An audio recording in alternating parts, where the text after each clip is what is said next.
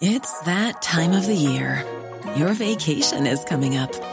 You can already hear the beach waves, feel the warm breeze, relax, and think about work.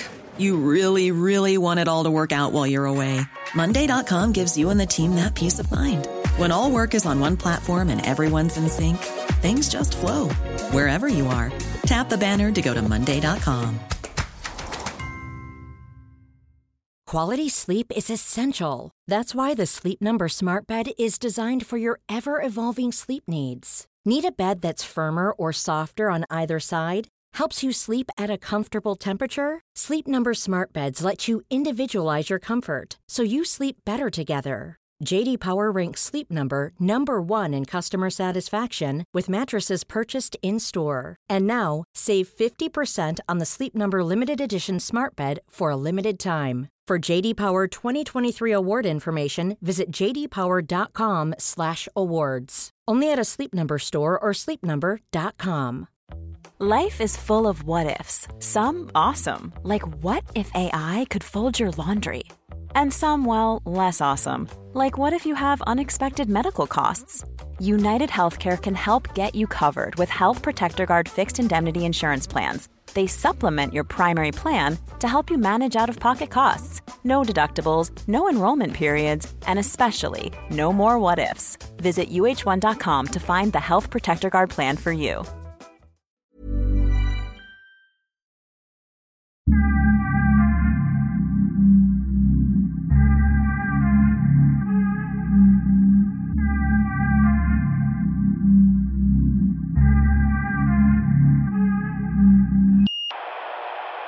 Han har någon helt annan röst när han pratar engelska. Är det sant? Ja, det har du. Men, men det låter Ja, du väldigt har lite bra. så här, um, går ner i någon så här trailerproducent. Alltså så här, Det var, det var någon som eh, var en vän till oss som recenserade Omars röst när han eh, pratar engelska. Då skrev han så här. Eh, ska alla, eh, de, de andra programledarna är svårare att skilja åt. Alla, lo- alla låter likadant. Utom han som pratar engelska. Hans röst är uppenbarligen nerpitchat för att dölja den verkliga identiteten. Så fort han kommer in i samtalet låter det som en Shottaz-medlem som ska vittna mot sina kompisar i ett Uppdrag granskning-reportage. Det är väl nästan hets mot folkgrupp det där va? Ja, eller hur? And I don't know if I should be like, if this is a compliment or should I feel kränkt? Han säger att du är en golare, fast Men- du är ju med i Shottaz. Men när vi började att spela in, du framstod ju som poddens stjärna med din röst. Du förförde ju många, många av våra kvinnliga lyssnare. när jag var och googlade på eh, så här, eh, eh, sista måltiden podd och sen så var det Omar som alla frågade efter. Så han var den populäraste. Jag, jag vill bara säga att förmodligen så har du skrivit sista måltiden Omar och så al- algoritmerna hjälper dig nästan. Nej, nej, nej, jag har, gått in på, jag har gått in på det här hemliga, den här, så här eh, hemligt läge där man inte, de här algoritmerna får finnas där. Va- Varför hemligt läge? Ja, men jag, för att jag ska kunna googla och, och se. Det är då man resetar. Man resetar det och då kan man söka. Algoritmerna plockar upp oavsett om du är inkognito eller inte. Vadå, om jag till exempel, om De, jag de, vill kan, se... de kan bara inte knyta det till din identitet. Men de vet att så här många har googlat på det här och så kommer det gå upp. I'm almost tempted to like speak Arabic in one episode. Ja, det är ingen som hindrar dig. Om du känner för det. mm. Vilka av er pratar och förstår arabiska? Bara jag. Bara du? Okej, då blir det lite meningslöst kanske. Ja. Omar är ju flyktingen, eller No? nej, du är asyl. Du har sökt asyl. Yeah, but, but after you get asylum, you are a refugee. Så jag har flyktingstatus. Du har flyktingstatus. Hur länge sedan är du kom till Sverige? Eh, För sex år sedan. Mm. Vet du varför han har fått flyktingstatus? Nej. Han har bränt Koranen. Och spottat på den. Och stampat på den. Varför och, gjorde du det? Ehm, Migrationsverket trodde inte på mig eh, när jag sa att jag har lämnat islam. Eh, så det är, I applied for asylum because like criticizing and leaving Islam is punishable by law in Egypt. Uh, and they, Migrationsverket, they, they said that they acknowledge that it is so and that people who leave Islam and criticize it in Egypt are being persecuted, but they wanted me to prove that I have left Islam. So first they rejected and then they said, had you been able to prove that you had left Islam, you would have gotten asylum. Like, okay. Stämmer gjorde, att, då gick du ganska långt. Ja. Ja. stämmer att de inte köpte din video först för att den hade för få views? yeah, I, have this in writing. För han ville ju inte lägga ut det. Nej. Men so, så I, var du so it tvungen. was unlisted and I sent them the link. So they rejected it because it had too few views. The video. I was like, okay, fuck it. I just like go public with it. Min brorsa som bodde i USA, eh, han sa så här. Jag är väldigt bekymrad över situationen i Sverige. Vad Sverige gör med vissa flyktingar. Och vad de tvingar vissa flyktingar att göra för att kunna få uppehållstillstånd. Han var väldigt kritisk till, till det där händelsen överhuvudtaget. Men det är lite samma sak som med, med flyktingar som kommer ifrån hbtq-communityn i olika delar av världen. Som, menar, liksom, hur bevisar du att du är homosexuell om du inte just står i en relation? Eller liksom, varför ska du behöva bevisa det på det sättet? Det är ju, det ställs ju otroligt höga krav på, på det. Eh, alternativt så får man rådet att ja, men om du åker tillbaka till ditt hemland så låt bli att hålla någon i handen då. Som om det skulle vara så enkelt. Liksom. Ja, verkligen. Är det någonting media skriver mycket om? Just migrationsprocessen, ja, men som i Omars fall, eh, som i ja, men alla flyktingfall där det handlar om avvikande sexualitet. Jag vet att, men nu är det ju lång tid tillbaka. Jag slutade på SVT för 14 år sedan. Jag har genom åren gjort en del reportage med just ja, men homosexuella iranier som, som ju förstås inte kan åka tillbaka. Men som också har haft svårt att, att um, bli trodda och svårt att liksom, övertyga Migrationsverket. Och sådär. Men det ligger ju långt tillbaka. Det är länge sedan jag lämnade SVT. Det, det där är rätt känsligt. Alltså, eh, många landsmän till mig, när de får avslag på asylansökan så hittar de Jesus plötsligt i sina liv.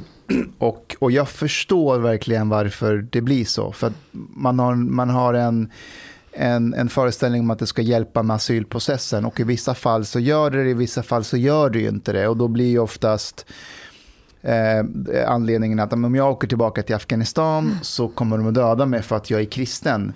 Och, och då kan jag bli, så här, ur ett överlevnadsperspektiv så kan jag förstå den asylsökande. Att man vill ha asyl så därför säger man det här. Men samtidigt blir det så här, nej det är inte så att de går och letar efter kristna i Afghanistan och döda hur som helst. Det är om du är där och som Omar bränner Koranen och tar avstånd. Men, om, men det finns ju minoriteter i Afghanistan som är judar och kristna. I och för sig har många blivit förföljda som har lämnat. Men det är inte så att om du är i Kabul och man får reda på att du är kristen så blir du mördad för det. No, Så jag blir samtidigt arg på de här på de personerna att så här, det blir en slags svartmålning av Afghanistan och afghaner. Eh, och, så ja, det är inte så att du kan gå runt och vara en stolt kristen i Afghanistan. Du kan, du kan bli trakasserad, men du blir inte mördad heller på öppen gata för att du är kristen. Men är inte Det- det skäl nog, tänker jag? Alltså att du inte kan få utleva din identitet.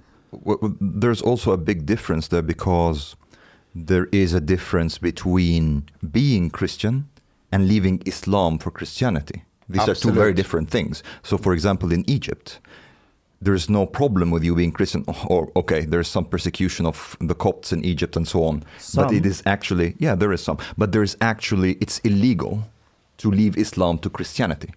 It is actually illegal by law. Um, Och har and- du lämnat islam för att bli kristen eller har du lämnat islam punkt? Eh, ja, punkt. Ja. För, för är ateist. superateist. Nästan så att det är religiöst. Vi har flera religiösa. Ashkan, du är också religiös. I dina principer och idéer, du fastnar i de här principtankarna. Ja, men allt är religion. Det, det, det, det är liksom, de, de mest fanatiska ateister jag hamnat i debatt med på Twitter, de är så här, vi måste utrota galna idéer som tror på entiteter uppe i skyn. Vi måste förbjuda det här och det här och det här. Vi måste förbjuda doktriner som hjärntvättar folk till att tro på en enda sak. Och liksom, men för att lyckas med det så måste du ha en doktrin som förbjuder X, Y, Z och så hamnar du där. Du kommer sitta där på en religion. Religion har inget att göra med att det finns någon osynlig gubbe i himlen. Det är bara en liten komponent av det. Så ja, det, det tjafset har ju du och jag. Jag Mm. menar att du är minst lika religiös men på ett annat sätt. Men får jag fråga dig som kommer då ganska nyligen utifrån till Sverige. Hur ser du på den typiskt etniska svenskens förhållande till religion? Eftersom vi ofta ses som ett, ett folk utan religion på något sätt. Helt sekulariserade. Och, This this is actually yeah, it's an interesting question because um, in many aspects I have seen the values that, that are dominant here in Sweden as the values that I aspire to have or the values that I have. Um, but at the same time, the I started to see some kind of like maybe dogmatism sometimes uh, when it comes to certain things. It's very difficult to discuss, very difficult to question, uh, and sometimes the reaction is almost religious in a way that reminds me of how many Muslims reacted to me criticizing Islam. Um, but and there's also some kind of, I would say, a little bit of like ignorance also about people here in Sweden don't really understand what religion means for deeply religious people as well, uh, which can lead to some some friction and and uh, missing um, certain aspects of Hej! Of social behavior and so on. Uh, and the thing, but also at the same time, religion is still has has a special status here in Sweden, but much more when it comes to Islam. So so it comes uh, becomes this sort of relativism, um, because Islam in Sweden has become a little bit almost. Um, racified um, i- it's treated as a race so critique of islam can be or quite often is very difficult because it's considered racist. Um, Men svenskar är väl kända för att vi inte kan diskutera religion särskilt bra. Vi har lättare för att prata sex än att prata religion tror jag. Att det, det, det kan vi sitta och prata med, med människor vi inte känner. Men att prata religion med någon vi inte känner, det, det är nästan... eh, Så här, det känns för privat eller för svårt att göra på något sätt. Eller också har vi inte orden för det för att vi är inte så troende överlag. Liksom. Just det. Ehm, Vi Men- tycker att vi har gjort upp med religionen. Vi har kommit förbi Mm. religionen. Vi är bättre än, än att vara religiösa. Vi, vi är mer moderna än så. Mm. Så uppfattar jag många svenskar när det kommer till, till religion. Och, och, och en nedlåtande attityd gentemot religiösa. För det enda man tänker när man träffar en re- religiös person är att så här, du tror på en gubbe uppe i himlen va? Eller också, tänk, jag skulle säga så här, jag tänker direkt att är det en djupt religiös eh, kristen person som jag möter så eh, tror jag att jag också ser så här, är det här en abortmotståndare? Är det här en person som är emot homosexualitet, homosexuella äktenskap och rättigheter för? Så det, det är nog det jag läser in också, ganska mycket. Mm. But but it's the same thing, for example, when it comes to uh, Islamic conservatism. Um, it's um, Islamic conservatives and fundamentals. They are very much against homosexuality, very much against gender equality, and there's a lot of anti-Semitism, and it's uh, uh, Verkligen. Vi har ju också pratat väldigt mycket om att vissa typer av ideologier här hemma uppfattas som religion. Och vi har ju bland annat pratat om feminismen. Eh, att många som i, i jämställdhetens namn driver sin tes så pass hårt att ibland till och med eh, uppmanar sina eh, lyssnare eller följare eller vilka det influenser vilka det är att de inte ska ta del av visst material, att de inte ska bilda sin egen uppfattning utan de ska lyssna på mig, jag, eh, jag har rätt, ta avstånd från det här och så, så tenderar alla bara liksom följa efter. Och det blir också, eh, uppfattar jag, religiöst över det hela. Eh, Känner du igen det? Ah, kanske inte riktigt, men, men, ja, men vi, vi berör ju det faktum att jag är här ändå. Ja. nu var det inte det jag nej, menade. Men precis, nej, men, jag, jag, men så här, alltså det, det, jag tror att jag fortfarande sitter och funderar på om det här är en bra idé eller inte. Mm. Att sätta mig i ett, ett eh, rum med fem killar som jag inte riktigt vet hur långt ifrån varandra vi står.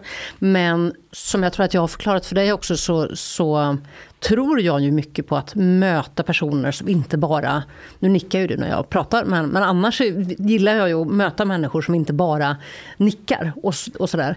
Eh, men eh, för att försöka liksom nå människor som inte är kanske de som direkt köper det jag säger.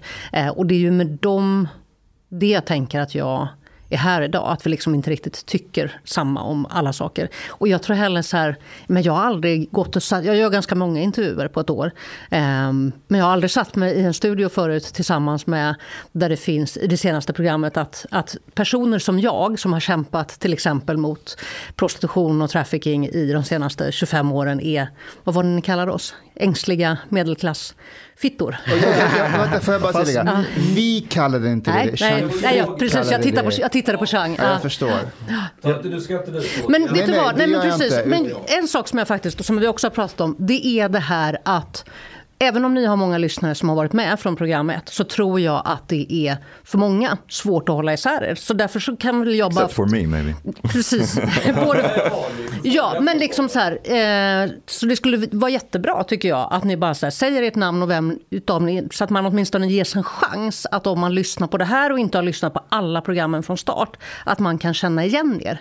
Eh, jag heter Katarina och jag är gäst. Ja, och jag heter Hanif och vi har ju råkat ses eller höras. Ja, våra Så vägar har korsats. Ja. Dels när jag jobbade på Polismuseet, du var och besökte oss och feedbackade vår eh, utställning om prostitution, bland annat om kvinnors eller om eh, fotografering i, i, i generellt. precis, ja. Men en stor del handlar just om historiskt sett hur man ser på prostitution och hur Sverige har förhållit sig till de som är sexarbetare och så vidare.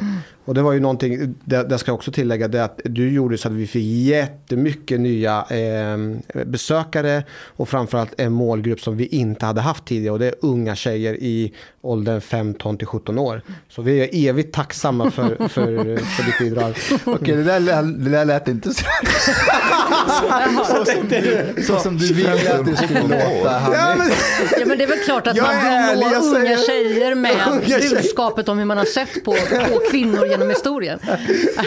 men du, först, ni först, du förstår vad jag, Jag menar. förstår precis vad du menar. Vi hade Ja. problem med den målgruppen. Alltså problemet med Hanif och styrkan är att han är ständigt sig själv. Det är en väldigt fin person med ett rent hjärta men det är inte alltid det han säger som landar rätt och jag måste korrigera det ibland. Men vad, vad är det som jag har sagt? Vad är det som Nej, nej, kan jag, tror, jag tror bara att det kan uppfattas på ett annat sätt. Som vadå? Att, att du ka- tackar Katarina för att hon har gett oss en massa unga tjejer i åldrarna. Vi har ju fått en massa 15. unga besökare som vi är tacksamma. Det är en ja. målgrupp som unga tjejer som vi vill ha intresserade. Till Polismuseet, inte hit. Didn't most of these girls who commented, their comments were mostly, you know, puking emojis. Nej, för det här var ju, det här var ju du menar till, eh, till museet? Aha, det- ja, du menar så. Okej. Eh, Till det, var ju, det är ju väldigt eh, intressant skildring hur man har förhållit sig till sexarbetare och hur männen har uppfattats, hur kvinnorna har uppfattats och hur historien... Kvinnorna var de som skulle gå på ständiga kontroller för att se huruvida de hade könssjukdomar eller inte. Men männen tog ju med sig sjukdomarna hem och smittade sina fruar. Och det var ju ett jätteproblem. Men det var inte heller någonting som man på 1800-talet och början på 1900-talet överhuvudtaget såg som ett problem. Utan det var kvinnorna som sålde sex som var liksom kontrollerade och problemet i liksom samhällets ögon. Det var de som var synderskorna, inte männen. Utifrån en gammaldags föreställning att män har sina drifter och så vidare. Eh, vi, eller jag har uppfattat lite grann vissa tendenser av beteende blir nästan religiösa och framförallt om man kan koppla till olika ideologier. Och där eh, personer som utger sig för att vara feminister eh, pratar på ett sätt där man inte, eh, där man uppmanar andra personer, tänk inte själv, titta på det här, så här är det. Och eh, så som jag uppfattar också det att reaktionerna sker väldigt snabbt. Det är ju väldigt få gånger som människor bara tar sig tid att fundera, reflektera, lyssna och sen eh, komma med feedback då. Utan det är väldigt snabba reaktioner i det här. Men feminism är ju någonting som vem som helst kan, om man då som du ser det som en religion, bekänna sig till. Vem som helst kan ju kalla sig för feminist. Det är ju också jättelätt att säga att man är feminist och sen agera totalt liksom, i motsatt riktning. Det är ju någonting som man bara kan säga, men att, att agera och leva utifrån principen om att män och kvinnor ska ha samma rättigheter, det är ju någonting helt annat. Som Låter det? kristna säger, du kan kalla dig kristen, men att verkligen leva som en kristen, det är en annan grej. Eller att vara muslim och verkligen vara riktig muslim och inte synda eller begå haram. But uh, when it comes to feminism, also one of the things that struck me struck me when I came here to Sweden is that feminism in Egypt and in the Middle East seems to be very different from the feminism that exists here in Sweden in many aspects. especially when it comes to sex and sexuality. Because feminists in the Middle East, or many of them, and feminists in Egypt, they actually, th- there is a very strong culture, like this kyskhetskulturen, hmm. and sex in itself is a taboo and so on. So many of them actually want to celebrate sex in a way that could be perceived as an anti-feminist sexualization of women here in Sweden, if you know what I mean. Um, Fast det där håller inte jag riktigt med om. Alltså det finns ju någon slags eh, stämpel många gånger. Som, åtminstone, jag kan inte tala för alla feminister, men som jag själv har mött genom åren. Att man antas vara, om man till exempel kritiserar eh, sexism så antas man vara sexfientlig. Eh, och jag menar så här, alltså det finns ju inga som har så roligt sexuellt som feminister. Alltså det, det, liksom, det är ju... Det är ju Vänta nu, för vad, mig, menar du? vad menar du med det? Ja, men för mig är det så här att å ena sidan så har jag ägnat hela mitt yrkesliv åt att kämpa mot sexuella övergrepp. Men den andra sidan av det myntet är ju också att kämpa för kvinnors rätt till sin sexuella lust. För rätten att ligga runt till exempel precis lika mycket som killar och att inte bli stämplad som hora.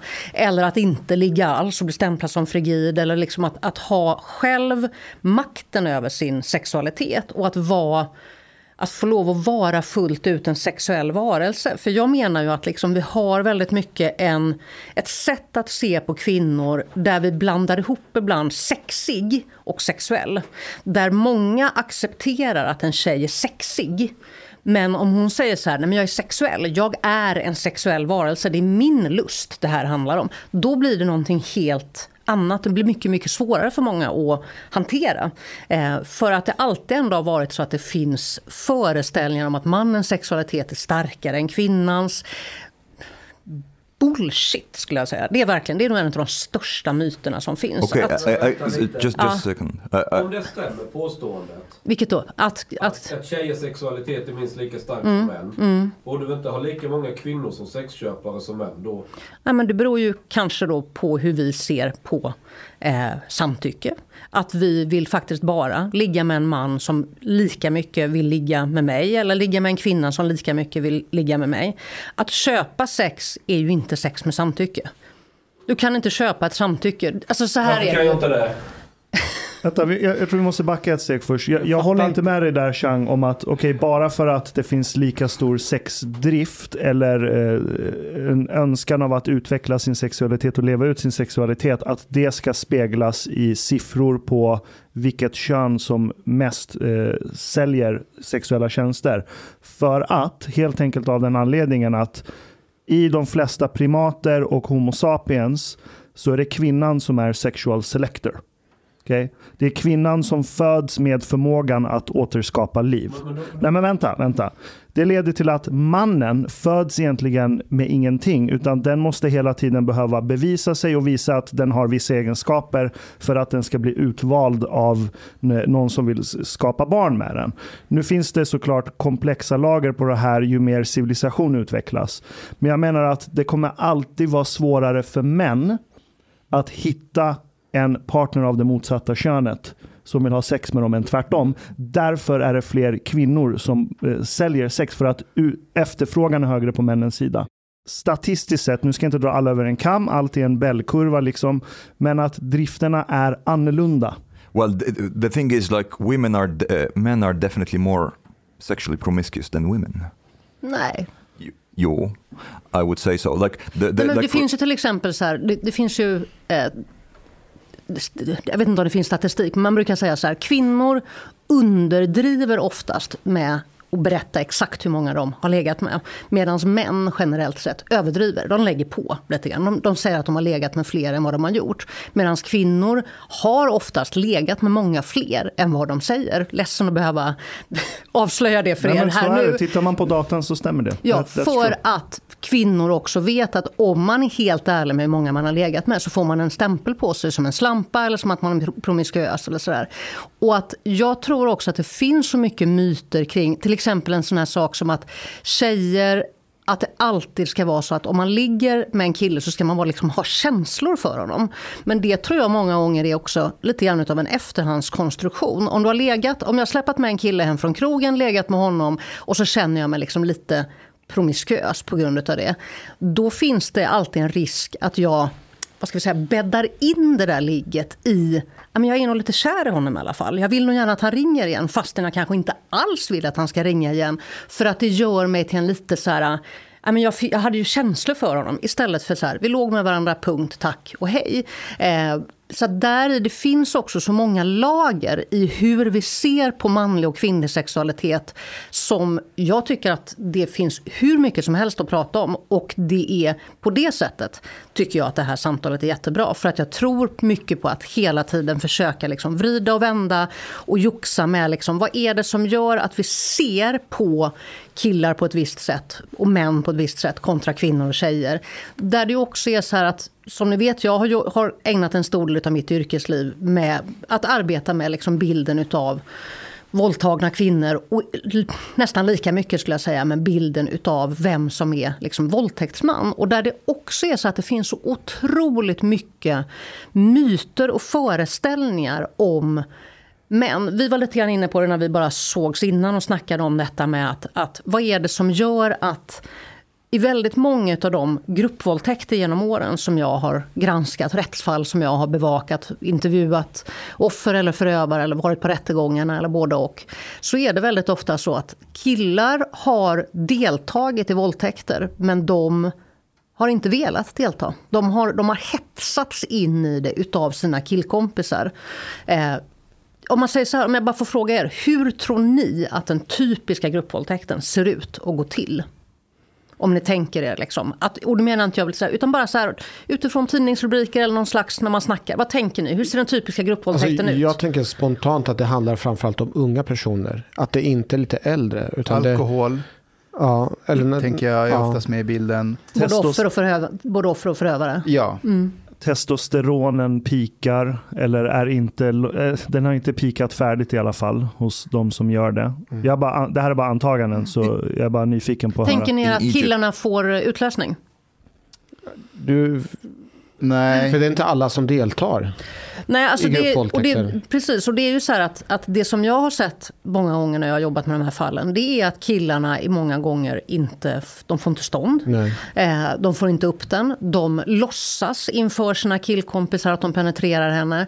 De, de eh, kan också vara så att om det är så att de blir helt enkelt hetsade av de andra, eh, mobbade eller så, för att de inte får upp den. Det är oftast då som tillhyggen kommer in, där man använder föremål mot tjejen som ett sätt att liksom, då finns det någonting som är hårt, till skillnad från liksom, penis som inte, inte liksom, vad ska vi säga, nu säger jag, inom stora citationstecken klarar av det. Det är ju som att kroppen säger nej till någonting som de liksom mentalt i gruppen inte klarar av att säga nej till. Och jag tycker att det där är så jag tycker att det här är så jävla intressant för det här är också någonting som bygger på vår bild utav manlig sexualitet. En kille ska alltid vilja knulla. Om det ligger en tjej där däckad på en fest och polaren redan har satt på henne och så säger han nej jag vill inte eller nej jag tycker det är äckligt eller nej jag slutar för hon kan ju inte ge sitt samtycke för hon har ju däckat. Det är det väldigt få som klarar av. Jag har jobbat med rättsfall där killar har åtalats för våldtäkt och så har det kommit fram sen efteråt. Han var inte ens med på det. Men han tog hellre risken att bli åtalad och till och med kanske dömd. Och så är det tjejen som säger nej men han gick bara in i rummet och stod i ett hörn och så gick han ut sen. Jag tänker så här, eh, det här som du berättar nu, eh, kan det inte vara att man, du, du studerar mycket så fall mm. som är gruppvåldtäkter och utifrån det fallet så skapar man sig en bild. Medan, nu kommer inte jag ihåg exakt vad du sa, men den här idén om att ha sex med en kvinna som är passiv, mm. det, det, finns ju inte i min, i, i, min världsbild. Och jag, många av mina vänner som jag umgås med skulle aldrig ha sex med någon som, äh, som, som är väldigt passiv, för det, det, det skapas ingen attraktion. Så jag undrar hur representativ den där bilden egentligen är för män på gruppnivå. Men det skulle jag nog säga att det är nu är, det dessutom många... nu är det dessutom olagligt. Eh, ja, om du inte har ett samtycke så, ja. så du måste du försäkra dem att de har ett menar, samtycke. Om, om vi går till oss själva och funderar liksom hur attraktivt det är att ha sex med en person som är inte är aktiv. Man Men det vill är ju ha jätteviktigt att du säger för det. För att jag tror att det är ändå så här att det finns, framförallt kanske när man är ung och fortfarande håller på att upptäcka sin sexualitet, så finns det å ena sidan bilden av en tjej som är väldigt aktiv under sexakten. Mm. Hon är också lite slampig, hon är lite för kåt. Liksom. Men samtidigt så är det ju jävligt då, tråkigt om hon inte alls eh, är med på det. Mm. Men samtidigt så finns det också killar som ju helt uppenbart har sex med kvinnor som bara ligger där och inte verkar förstå att det här är inte någonting som hon är med på. Mm. Jag vet för många år sedan, eller många år sedan, det är tre år sedan jag gjorde sommarprat i Sveriges Radio. Då pratade jag om det här och mitt sätt att sammanfatta det var att jag sa, sa så här att en kvinna som vill ligger inte still. Vilket för mig sammanfattar väldigt mycket synen på både kvinnor som sexuella varelser men också det faktum att jag under 25 års tid, eller det är 24 år sedan jag började jobba med de här frågorna på SVT, eh, så, så har jag varit på så otroligt många rättegångar där killar kan komma undan med att säga jag trodde att hon ville, för hon låg bara där. Och så är det det man accepterar utifrån någon slags liksom bild utav att så går ett samlag till mellan en man och en kvinna. Hon bara ligger där och tittar upp i taket och liksom, jag vet inte, tänker på Tror du att fosterlandet. det accepteras juridiskt för att liksom, domstolen köper beskrivningen? För jag har väldigt svårt att tro på en person som menar att den bara oj, jag trodde att det var okej. Jag tror att det finns någon grov underliggande patologi där. Men tror du att det här går igenom rättsväsendet eh, för att de köper resonemanget eller för att det finns hål i lagen som gör att det inte går att fälla den personen bara för att den har sagt så? Jag tror att skulle ni män förstå till fullo hur mansföraktande tendenser det finns i det svenska rättssystemet så skulle ni stå där med plakat också. Mansföraktande? På vilket, på vilket sätt Otroligt. då? Alltså utifrån att man det finns i rättsfall en föreställning där till exempel han har blivit sexuellt upphetsad, han är jättekåt. Nu kan han inte riktigt ta ansvar för det som händer därefter. Jag minns ett rättsfall där det var en tjej som hade sagt nej vid upprepade tillfällen. Hon var inte ifrågasatt, men där domstolen resonerade, han var så sexuellt upphetsad så att han la förmodligen inte märke till att hon sa nej. Och då tänker jag så här, men vänta lite, det här är ju en medicinsk sensation. Att män som blir kåta blir alltså döva. Det är liksom, Pat patologi, det är patologi, det blir ju helt, bis, det blir helt bisarrt. Att, att man liksom har en... Så, det finns ju liksom en gammal myt kring oss feminister att vi går omkring och tycker att män är djur. Och jag är så här, nej det är inte vi som tycker att män är djur, tvärtom. Det är vad ska vi säga, samhällsnormen, det är rättsväsendets sätt att se på män som grupp som betraktar män som lite så här när de är kåta så är de lite dumma i huvudet. Man bara, nej, det är det inte alls. Det finns de som är det. Okej, but- Fast inte att du förlorar din empatiska förmåga. Tack. Då är det Nej. patologi. Vad har du- kan bli dum i Ja, huvudet. men jag kan väl också bli lite dum om jag är tillräckligt kåt och liksom vara så här, ja men gud, undrar om ungarna hör. Ja. Okej. Man släpper, man släpper på spärrarna, man gör saker och ting som Men, man inte men, men gör. precis som du säger, det är inte, som Ashkan säger, det är inte som att man... Det är stor skillnad på att, på att, att vara dum i huvudet i bemärkelsen liksom flytta på spärrarna. Men att förvandlas till en person som inte liksom har empati, det är Exakt. någonting helt annat. Förlåt, jag vet att du har haft... Ja, det, det är lugnt. um, just some comments and questions maybe. So first, I think also there there is a difference between of course a girl who's just lying there and of course the guy should be able to to read that she's she's not into it. But at the same time i think this this this le- leaves less room for the complexity of sexuality because there are women who are by nature maybe more sexually submissive uh, and that does not mean that they don't want to have sex for example uh, especially like quite often in the beginning for example man är blyg, man är... Mhm, precis. And it's the guy who's like expected maybe to take the initiative or the guy who's more dominant in bed, for example, quite often. Um, and and I, I think sometimes that the talk about this does not give room to this like more broader spectrum of sexuality that for example it gives the image that Eh, in a way it, it, it should be the other way around. The guy has to like you know take a step back and it's better for him to be a bit more submissive and so on. And the woman even though if she if she doesn't really feel like it there is something not very nice about her being submissive in bed that she should try to be more active in bed even if this goes against what she herself wishes.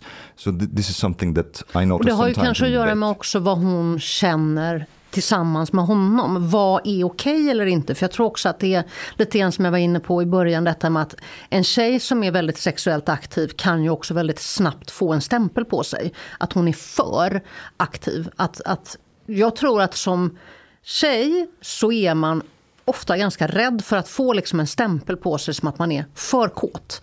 Och samtidigt så är man rädd för att få en stämpel på sig som att man är frigid, att man inte alls gillar sex. Och så ska man hitta en medelväg där. Och det är ju en sak, jag, menar, jag fyller 48 år i sommar, jag har varit med ett tag. Men när jag var 17 då var inte jag där. Men då var jag ju sexuellt aktiv men jag hade inte alls de här sakerna hemma. Så att det här är ju, det vi sitter och pratar om nu är ju ett samtal som man önskar också att väldigt många unga killar och unga tjejer hade med varandra.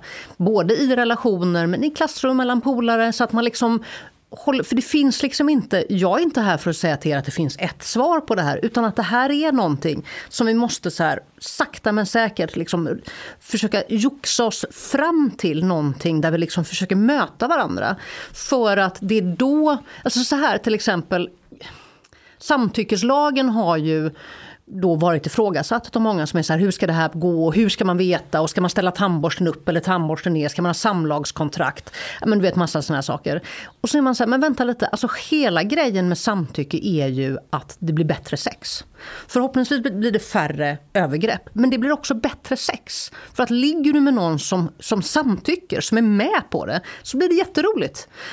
Och det finns väldigt, väldigt många som ligger med tjejer som inte har samtyckt, som inte riktigt vill, eller som övertalas, som tjatas till det, eller som gör det för husfridens skull, eller som, som känner att men han kanske gör slut om jag inte ligger med honom. Eller liksom sådär. Och det är ju inte roligt sex, vare sig det är inte- bra sex för någon av dem. Får jag bara ställa en kontrollfråga? Mm. Nu spelar jag lite dum här nu, men när du säger så här, att få ett samtycke. Hur, hur får man ett samtycke? Dels kan det ju vara att fråga. Får jag komma in i dig? Eh, får jag göra så här? Tycker du om när jag gör så här? Eh, sen kan du få ett samtycke i form av att hon faktiskt väldigt aktivt visar. Hon, det, går för henne eller hon säger ja upprepade gånger. Eller så där. Och jag tror att det också finns lite grann en myt utav att det skulle liksom så här döda erotiken. Det gör det för mig. Tycker du det? Ja, det blir I- jättekonstigt. Fast jag kan säga så här, i, och nu pratar jag bara utifrån mig själv, i sexuella situationer, att då också få frågan så här, får jag komma in i dig eller tycker du det här är skönt? Kan jag tycka är, det är typ kanske bland det mest upphetsande som finns, just för att det visar både på att liksom så här, det här är Ja, men både så här, ja för helvete kom nu då. Alltså så, men också i form av att, att, att vara två människor som möter varandra. Både liksom hjärnan och kropparna, det är ju det som också är häftigt. Men Men jag vet inte, eller håller du på med samlagskontrakt Okej, eller vad gör I have I have to say I understand what you're saying and definitely guys should be try to be more sensitive but I, I think the question is not that easy. For example, I remember right after Me Too, I started to think, huh, okay, maybe now I have to like be very extra careful. And then during sex, I started to like ask almost like you know excessively. Is it is that okay? Or actually it's, it's not even not even excessively i would say. But the thing is Okay, it- so- when, I, when i started to, to ask the, quite often the girl said Shut do you, up." do you have to ask about about like about this just do it kind of? Mm. uh, and uh, it was under the impression that if i would start doing something that she that she does not like she would tell me um, and then i was like okay what the fuck what am i supposed to do Men kan, kan vi vara överens om att det inte alltid behöver vara verbalt, utan via kroppsspråk Ja. kan det vara väldigt uppenbart att samtycke finns. Men sen tror jag också så här, jag tror att vi generellt sett framförallt i, i par eh, som har en liksom romantisk eller sexuell relation med varandra, så tror jag det är ganska bra att prata sex när kläderna är på också. Att inte bara, för att det är just som du säger att det kan bli för mycket snack då. Kläderna är av och man vill ligga och så ska man liksom hålla på och försöka då, där och då hitta fram till vad gillar hon eller vad gillar jag.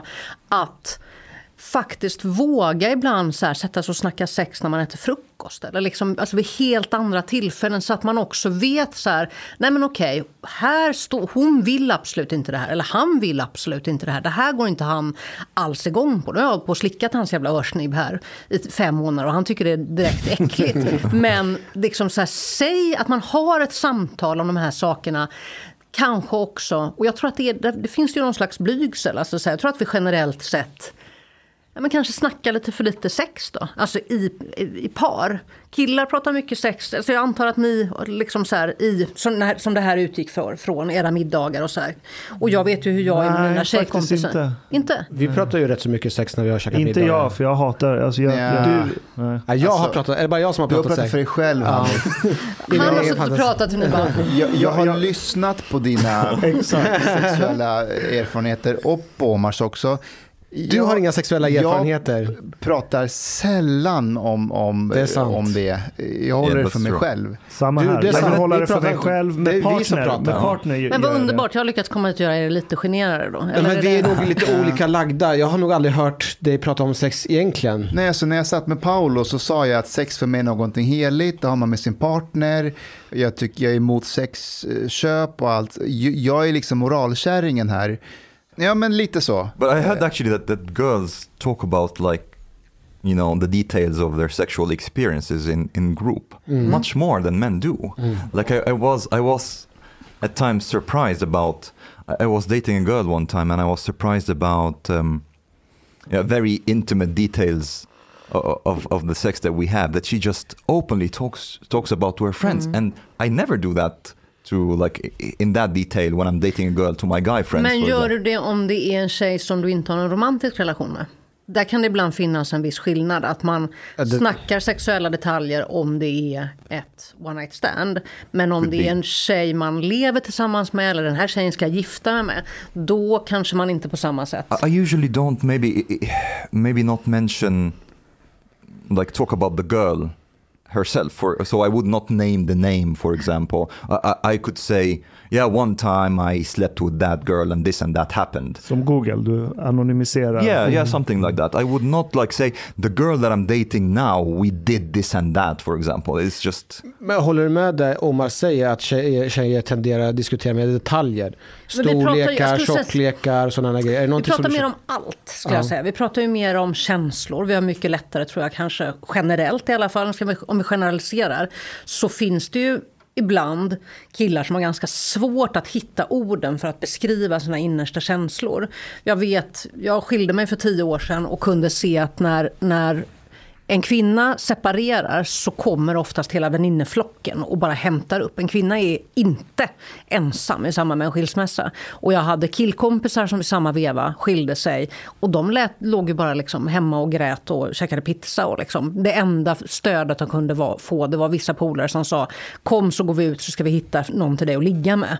Eh, och, men, men de ville kanske bara få sitta och, och just älta och prata och, och sätta ord på sina känslor över liksom allting de kände. Kan inte det ha att göra med att deras partners, kvinnorna, säger till männen att vi, vi, vi väljer Annas sida nu. Du får inte umgås med Peter. Gå inte hem till honom. Jag tror inte att det är så att det kanske alltid är så uttalat att tjejer... Men däremot så kanske det är så här att tjejerna generellt sett upprätthåller oftare relationer i sitt liv också när man är kvar i en relation. Att... Eh, Många grabbar väljer kanske att, att inte träffa sina killkompisar li- lika mycket. Och det tror jag, är det något råd jag skulle ge till er och till andra män i relationer eller på väg in i relationer så är det fan vårda dina killkompisar livet igenom. För att liksom det är det är ju märkligt det där. Liksom. Vi, vi kommer, de allra flesta av oss kommer separera till och från genom livet. Men vissa vänner kan man ju ha från liksom förskolan tills den dag man dör. Eh, och de de behöver vi vårda. Det är kanske de viktigaste relationerna vi har. Just för att ha någonting att hålla i. Om det till exempel skiter sig med, med kärleken. Jag gissar att du var djävulens advokat där. Ja, det var för, right? Det var för jag. annars gör du liksom män till offer. Det är så, Ja, ja, fan, ta ansvar för din krets. Ja, ja, verkligen. Och, alltså, du är i ett sånt rum nu där menar, vi, vi kommer från olika bakgrund men vi har på något märkligt sätt lyckats hitta till varandra. Och, Vi är alla svartskallar. ja, det är vi också i och för sig. Omar, du är aggressiv idag, kör. Aggressiv? På vilket sätt? Men du är arab så du är aggressiv. Hänger eh, ihop. an observation, and I want to know what you think about that, Katarina. Quite often, I I feel that also feminism that exists in Sweden is is in a way aspiring towards more of gender relativism than gender equality. So it seems to me that quite often there are things that socially acceptable for women to say and do, especially when it comes to sex, for example, and they're talking about sex, then uh, it that is not acceptable for men to say and do. Um, for example, like like you were saying, that women would be encouraged to talk about the sexual experiences, how maybe horny they are, and so on. But at the same time, it would be a little bit like um, almost seen as problematic if guys, especially in group, would do the same. Um, for example, I got some some criticism uh, from some people that I mentioned that in one of my uh, uh, when I, when I uh, slept with a girl one time, she put the condom on me with her mouth, and people say that this is sexist. And I'm like, what do you mean? Like oral sex is sexist, or is oral sex is sexist when there is a condom involved? And, and what do you mean? So there is this kind of attitude that if guys, especially in group, talk explicitly about sex, then it is kind of sexist.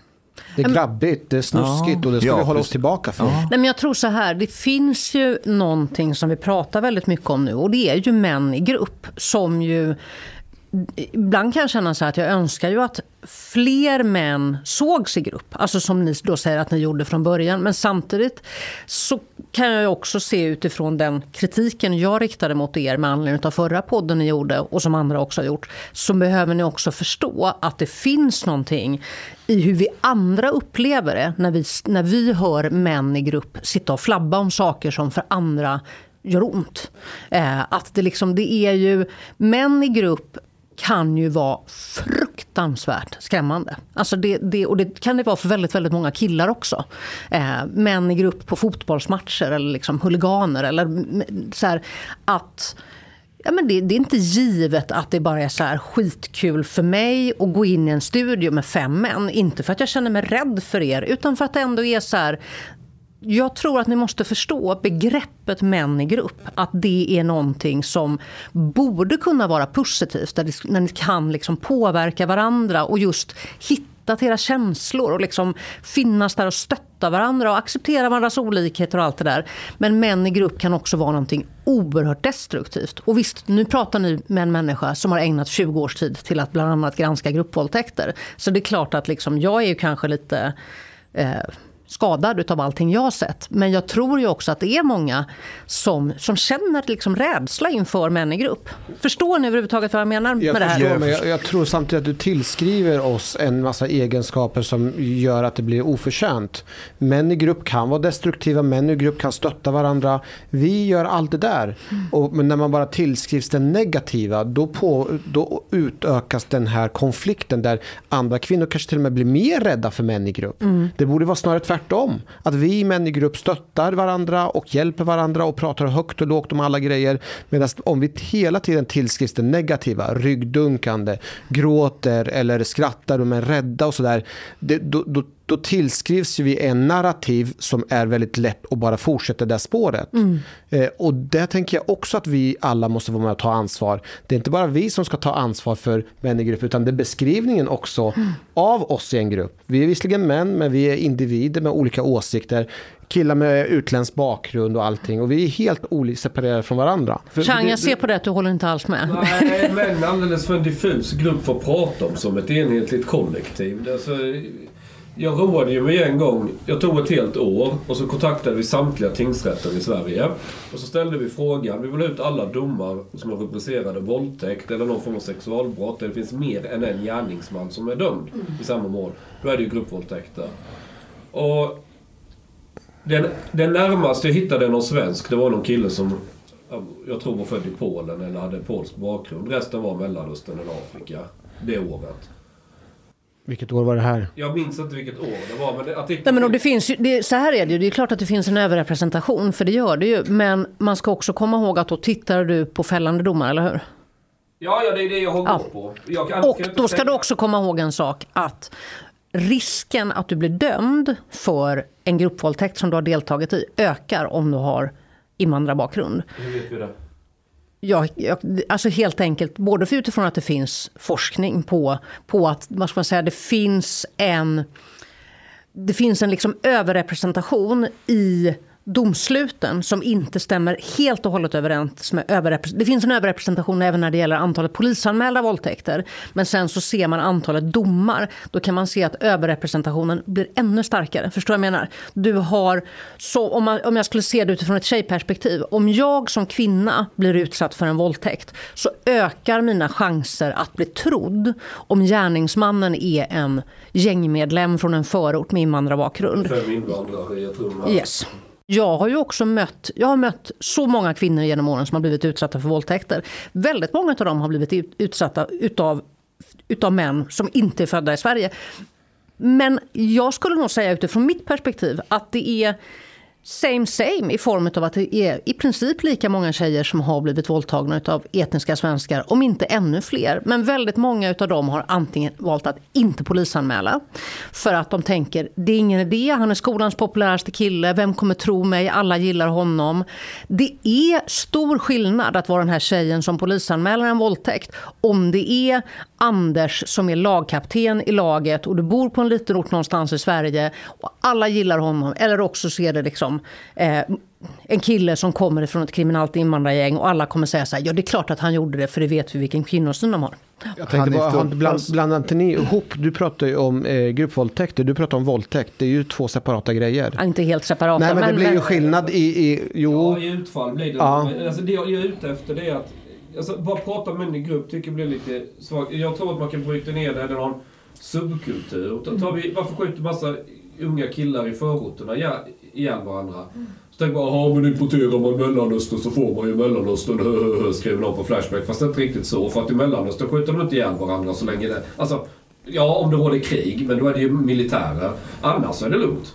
Utan den kultur man importerat från USA, någon gangsterkultur, hiphop, man vill vara vasting, man säljer knark och hej och hå och hela den här. Ja, då har det att göra med en utsatthet och liksom det liv man pressas ja, in men man i. och- bygger en bild, man har inte liksom förebilder av folk som går till jobbet och tjänar pengar den vägen. Utan då ska man vara lokala knarkbaronen och köra fet massa och guldläck runt halsen och väcknarväska och allt vad det är. Men det jag tänker är att även som du sa, att det är något socialt tryck när det är en gruppvåldtäkt och folk egentligen inte vill om man kollar med individen och så gör de det. Då, det kommer ju någonstans ifrån. Det är någon kulturell, vad är det som har gjort att...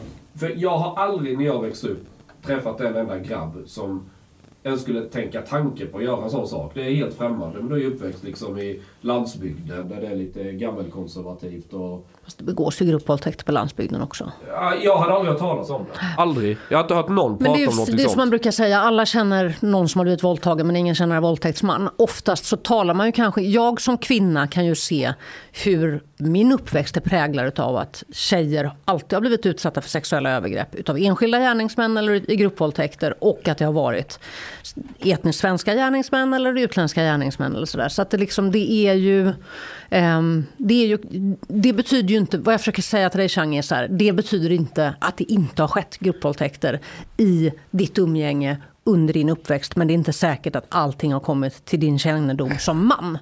Förstår du? Ja, eh, det finns ju en annan sak jag också skulle vilja dra en skillnad mellan. Och det är när man pratar om våldtäkter med en helt okänd gärningsman. Eller våldtäkter där man faktiskt kände varandra. Och den det- det- det är okända gärningsmän, det, är, ju- det är ju den Ol- absolut va- ovanligaste formen. Alltså att kvinnan inte överhuvudtaget känner gärningsmannen. Ja. Det som, Det är den ovanligaste jag ja, vet, Det ja. som, Ja. som många kallar som, som är betraktad som en riktig våldtäkt. Och det säger, säger jag inom feta citationstecken. Men att liksom Hagamannen För eller så. Där är också en gråskala. Jag kan ju se allt från Säg en, en ung kille eller ett ungt par och han är osäker och lite socialt klumpig. Har väldigt svårt att förstå eh, liksom, andra människor rent allmänt. Så sånt där utvecklas. Jag killar är ju lite senare än tjejer när det kommer till sociala bitar. Så, så, och då kanske man pratar oaktsam våldtäkt eller vad det nu är. Han borde begripa bättre men han var dum i huvudet. Det, är liksom, det kan vara på det planet. Sen kan det vara allting från liksom, kallsinnat. Man fattar att tjejen verkligen inte vill med skit i det för man är kåt och man måste knulla och så gör man det ändå. Men det, men det är två saker jag ser här. Om, om vi går tillbaka till den här att okej, okay, ni fann att det fanns en överrepresentation av människor med icke-svensk härkomst. Ja, när, när det handlar om eh, grupp, gruppvåldtäkter ja, ja. då, alltså mer än en gärningsperson. Ja. Men så ä, även om vi kommer fram till att alla våldtäkter är överrepresenterade av invandrare, det, det är bara hypotetisk lek här så vet vi fortfarande också att men de flesta invandrare är inte våldtäktsmän. Nej, precis. Ja, men så är det såklart. Så är det. Ja, ja, det är två helt olika men, saker. Men när det kommer till kön, eh, så, så liksom vi grupperar inte folk på etnicitet, för det är rasism. Men så fort vi gör det på kön och det är män, eh, då är det plötsligt okej. Okay. Och det tror jag också skapar en nidbild av män. Till exempel att, eh, liksom, nu kommer jag inte ihåg från vilka artiklar det var, det var liksom Dagens Nyheter, Svenska Dagbladet, Aftonbladet, Expressen, ETC med flera.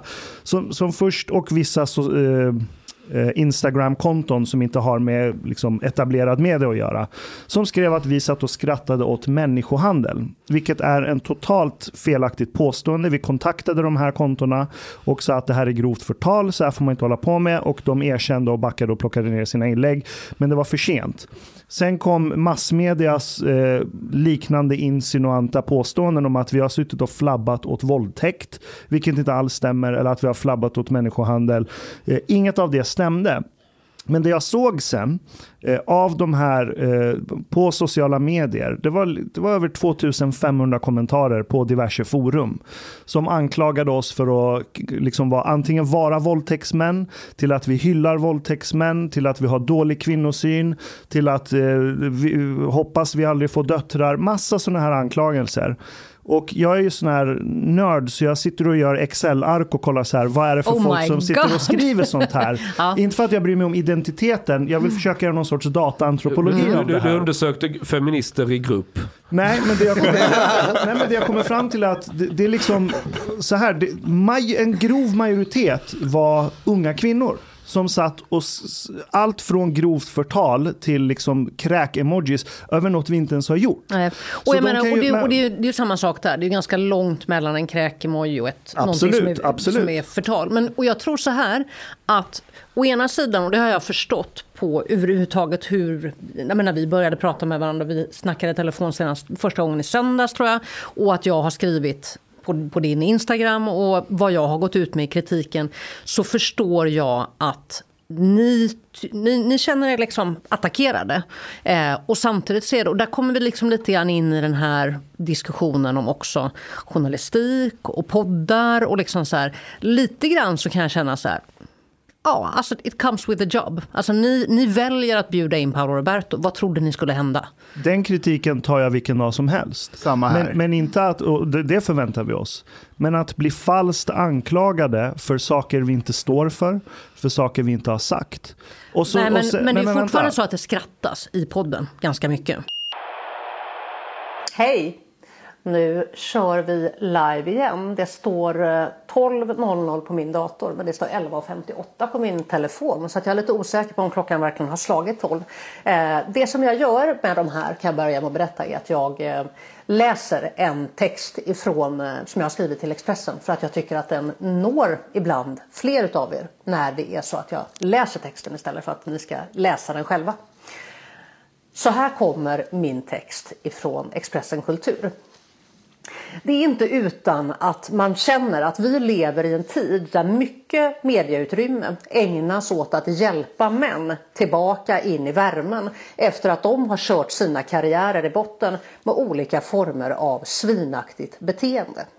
Känslan av att det pågår något av en kampanj för att hjälpa dessa stackare handlar om beslutet att direktsända Göran Lamberts självpåkallade presskonferens om Soran Ismails SVT-finansierade reklam för sin comeback på scenen. Och så den senaste veckans produktplaceringar av Paolo Robertos olika importföretag. Bland annat i podden Sista måltiden där fem män intervjuar honom om pasta och prostitution.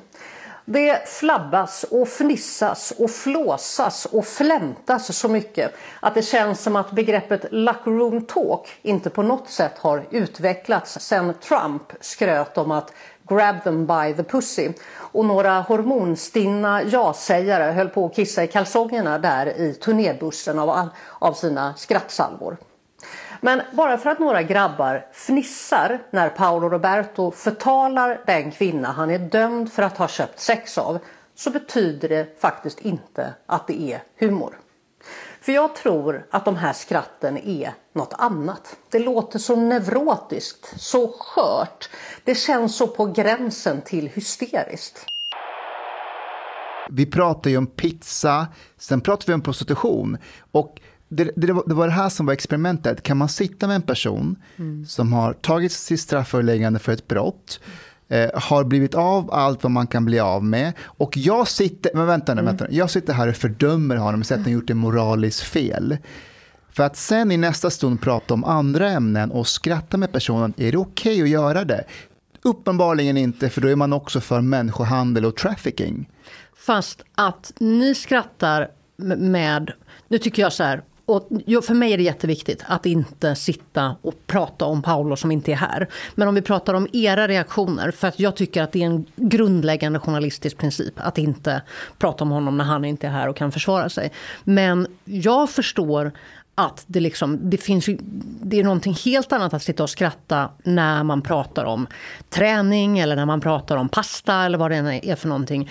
Eller att garva när det pratas till exempel utseende på en kvinna som då inte finns med i studion och har möjligheten att ge sin version utav vad det egentligen var som hände.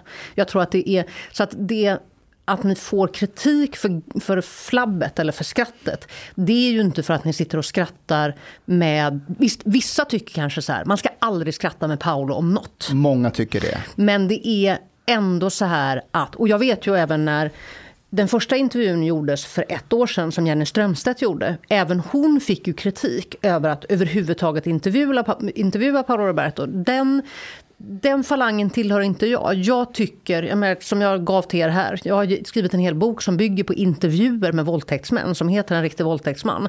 Jag har gjort liksom djupintervjuer med, med killar som har våldtagit tjejer. Eh, så att jag tycker att det finns ibland ett värde att prata med personer för att liksom nå fram till hur ska vi kunna stoppa de här brotten eller hur ska vi komma vidare med kvinnosyn eller sådär. Och jag tycker personligen att att den intervjun som Jenny Strömstedt gjorde var väldigt avslöjande. Eh, så därför var den inte alls dålig att den gjordes. För det var, ska vi komma ihåg också, kanske då det som sades i den intervjun som ledde till en del av det som då ja. nu kallas för cancel culture. Eh, eftersom han ju sa så, att Så långt är jag helt med dig. Och min, min poäng, det var inte att så här, åh vi blev attackerade, det är synd om oss. Vi, vi förväntade oss att folk kommer attackera oss för att vi ens har suttit i samma rum. Det är fine. Mm. Jag menar bara att eh, det var ett tillfälle där du Chang skrattade. Ja. När Paolo började beskriva hennes utseende som ett sorts motargument. Ja, jag, jag och sen berättade du ju senare varför du skrattade. Jo, det var så. Jag ställ, jag ställ, men vänta, du ska få göra det. Du ska få göra det. Jag tycker det är en intressant detalj. Jag menar att om det nu är ett snack om att, ja men titta nu kommer de här nya medierna Eh, Eh, och komprometterar etablerad medias position. Det finns ingen publicistisk sed här. De kan sitta och göra vad de vill. Då blir det så här, okej, okay, fair enough. Ingen av de, landets fem största tidningar skrev om oss. Inte en enda ringde, mejlade, förutom Aftonbladet Nöje enda undantaget. Ring och fråga varför skrattades det vid ett enda tillfälle under diskussionen om prostitution? Vad berodde det skrattet på? Så kunde de fått ett väldigt tydligt svar kring det. Men, och, men, jag, men vänta, vänta, jag måste komma till poängen. För att jag tror du och jag vill samma sak. Vi vill liksom eliminera ojämställdhet, vi vill eliminera allt skit som flera tusen år av historia vi har bakom oss. Där det har varit brutal ojämställdhet mellan könen, där männen har utan tvekan varit dominerande i den fighten. Tyvärr. Men om det nu, så nu är det två saker som händer här samtidigt. Om etablerad media som går på sin journalistiska publicistiska scen inte ens följer den. Och så skriver de klickgenererande artiklar för att smutskasta något för något som inte har gjort. Och sen får vi det här drevet mot oss från majoriteten var unga kvinnor som kallade sig själva feminister. För mig är de inte det. De flesta feminister beter sig inte på det sättet, så jag vill inte klumpa ihop begreppet feminist heller. Tror inte du det skapar ännu mer distans mellan könen? men varför tror du jag är här? Alltså jag är ju här för Absolut, att jag tycker att vi behöver... Dig. Det hedrar dig. Nej, men, det är ingenting som behöver vara någon slags heder på, utan det är bara så här att jag Dels så gillar jag inte walkover och sen så, liksom, så tycker jag också, som jag sa i början, jag tycker om att ta diskussioner med människor som inte alltid tycker som jag. Sen tror jag att vi tycker nog ganska lika och mer än vad vi tror. Men jag, och jag vill jättegärna prata mer om det här med publicistiken mm. och poddar och sådär. Men jag vill fortfarande bara höra lite grann, för jag såg att Chang, du var på väg att börja prata om. Varför garvar du där då? Jo, jag frågade Paolo, för i TV4 så säger han att han använder ordet dittvingad, mm. sådana grejer. Och då, då kom det upp här liksom. Och så, försökte han säga att han inte hade sagt det. Och du Ja, det, det var en diskussion om det. Men jag frågade Paolo så här istället, jag skiter lite i ordval. Det intressanta är, så frågar Paul. hade han någon anledning att tro att hon inte var helt frivillig? Liksom när han kommer in där, ser han någonting, upplever han någonting? Det tycker jag är mer intressant. Nej, nej, för fan, säger han där. Med, liksom, som jag uttryckte det innan, halvt sönderboxad hjärna. För han har ju en väldigt intressant associationsbana i huvudet. Utan då motiverar han detta med att hon var ju opererad för flera hundratusen och var ju skitsnygg och allt. Då börjar jag ju garva. För med tanke på frågan jag ställer och för honom så är det ett självklart svar för att visa det klart att det var frivilligt. Det är, alltså, jag har, ja, men...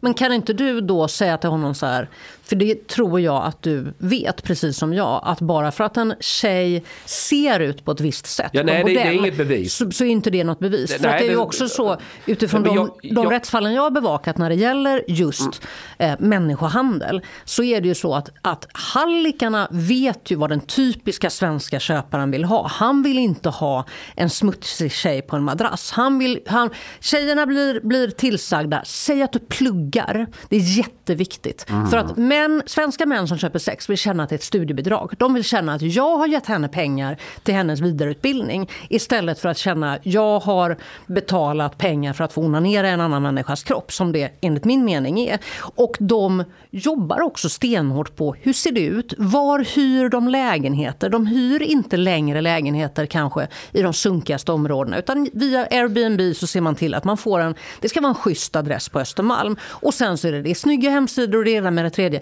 Det är ju en del utav hela lurendrejeriet. Och om man som man inte fattar det så känner jag bara så här, men Katarina, jag är, jag är liksom ju inne på det där, inte så bra som du uttryckte det nu, men jag säger ju direkt mm. efteråt att det betyder ingenting att hon är opererad.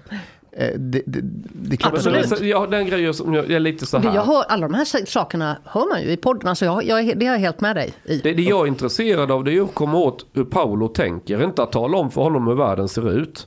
Det är inte, alltså, jag, Återigen, jag tycker att vi bara så här, inte heller ska prata för mycket okay. om hur han tolkar saker. För han är inte här okay, och but, kan försvara sig. But I have a question. Like, uh, one thing that is, was, was very obvious in this that there was no room for nuance at all in covering the conversation.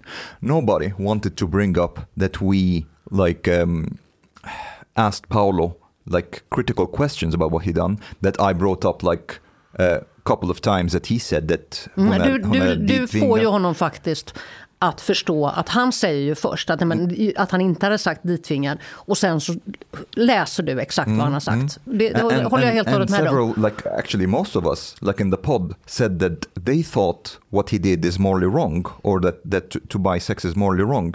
Nobody wanted to bring that up at all. And also there is kind of like almost, I would say, a, a dehumanizing attempt to treat all of us as the face of, of masculinity or patriarchy or whatever. And for example, if Shang laughed, that means that all of us laughed at the same time. Uh, and if one of us says something, that means also the, the rest of us are in agreement. This is like to treat us as, as a monolith in that way. Får jag actually... fråga er då så här, när, när ni sen var färdiga, mm. när ni satt ni, och det här kanske ni inte vill svara på, men hur gick ert snack sinsemellan? Till exempel om att du kallade oss som då är engagerade i de här frågorna för ängsliga medelklassfittor eller att du skrattade åt utseendet och så här. Hur, hur ni andra som då inte skrattade, vad sa ni? men, eh, Bråkade ni efteråt nej, men- eller var ni nej, liksom nej, så här? nej, det som är grejen det är att vi sitter ju oftast och poddar i väldigt, eh, i väldigt långa stunder, i tre timmar. Eh, Så det- sen är ni så trötta på varandra så Ja, ni bara nej, åker men det, hem? det, det för, mig, för mig personligen är det omöjligt att kunna vara fokuserad helt och hållet. Sen så tror jag att vi är väldigt medvetna om varandras roller. Så jag vet eh, när, när Chang pratar jag vet vad han, vad, han, vad, vad han säger och varför han säger det. Och jag har min egen strategi kring hur jag ska hantera det. Jag vet vad, vad det innebär. Det måste jag, hanteras. Men en sak Nej. som jag också tror är så här, som kommer i podden. Så det, det, var, det är ju det är min, det är min, min grej. Men om jag får eh, liksom kommentera, vi brukar aldrig kommentera eh, våra tidigare framträdanden så, men jag hade önskat att... Eller eh, inspelningar. Den, här, den här boken har inte gjort honom bra. Så Nej. Men så här, Du har skrivit en bok, ta det lugnt. Nej, men jag menar, förlåt, jag använder så här, jag, vi, vi kommenterar aldrig våra inspelningar, det var det jag menade, fel, fel ord. Ehm, eh, jag hade ju önskat att vi kunde prata mer prostitution. Samma Eh, sak för mig. Det, det var, vi, hade, vi var inställda på att prata pros- prostitution. Det handlar inte bara om vad Paul har gjort. Det handlar om hur vi ska se på prostitution. Det handlar om hur vi som män ska kunna ta ansvar. Och jag outar ju bland annat, som jag tycker personligen är, som är jobbigt, det är mina, eh, mina dilemmor i livet. Och, och det handlar ju om vad, hur förhåller jag mig till i alla fall en nära vän som har köpt eh, prostituerad. Hur ska jag som vän moraliskt kunna förhålla mig till det? Eh, så vi pratar väldigt mycket, det var tre timmar, men resultatet blir ju utav vad andra människor framställer den. För alla som jag har pratat med, det är få personer som har gått in och sagt att jag har lyssnat på hela avsnittet. Man klickar fram, man hör sin lilla detalj, man avgör vem det var som skrattade, så har man recenserat både vår podd och min yrkeskarriär. Och då, har man, då spelar det ingen roll vad jag har gjort i 11 års tid. Skrivit böcker, jobbat med föreläsningar. Man är dömd till döden på grund av det. Nej, men nu överdriver Jag skrev du. flera Nej, men. Men, men så här, nej, men, och det, alltså, som du vet, det är ju därför jag, jag har, liksom respekt för Hanifs arbete och din bok. Eh, jag har, ja, men så, så att det är ju också därför Det här ska jag jag klippa är... ut och sätta sen på story. Den ska du bara, så här, den ska du bara loopa om och om, om igen. Nej, men vad jag tror också så här, som ju inte kommer fram i en podd, det är ju också det som jag ser nu, eller som gäller i andra. Det är ju att jag ser ju när du säger någonting och så får du såna blängblickar utav Chang ibland. Det brukar vara så, ja. Ja, det går ju inte fram och det måste ni ju också bara så här inse att det är så. Alltså i podd, podden har många möjligheter och liksom så här, men det finns ju också vissa begränsningar. Till exempel som jag sa att det är lätt att blanda ihop rösterna även om det är så att du pratar skånska och du svarar That's på why engelska. never stop Ja. speaking English. Nej men precis, så du kan alltid säga så här, alla vet vem jag är. Ja. Nej, men så det måste ni också acceptera att liksom lite grann faktiskt så här, ni har satt er i ett rum, ni är fem män som har ungefär samma tonläge på rösten. Och ser ni likadana vet. ut. Enligt Aftonbladet. Enligt Aftonbladet. Nej, enligt. Inte dig. Inte enligt dig, enligt Ja, Aftonbladet. nej, men så, jag har varit gift med en iranier och jag lever ihop med en man från, från Etiopien. Så att jag eh, kan... Du jag, kan differentiera med det. jag, ser Aftonbladet. Vi har faktiskt ganska olika åsikter. Jag exempelvis anser inte att Paolo Isak har gjort någonting fel. Jag anser att det är lagen det är fel på. Och jag tror absolut att hon gjorde det här under frivilligt och jag tror mycket väl det fanns samtycke. och den uppfattningen får du lov att ha för att vi Ja. lever i ett land med Jo, yttrandefrihet. exakt, exakt. Ja. Men han får inte alls den uppfattningen. Inte jag heller. Nej. Jag tycker det är bara... Så möjligen står jag närmare, eh, Ashkan är väl den som står mig närmast av alla här inne skulle jag väl säga.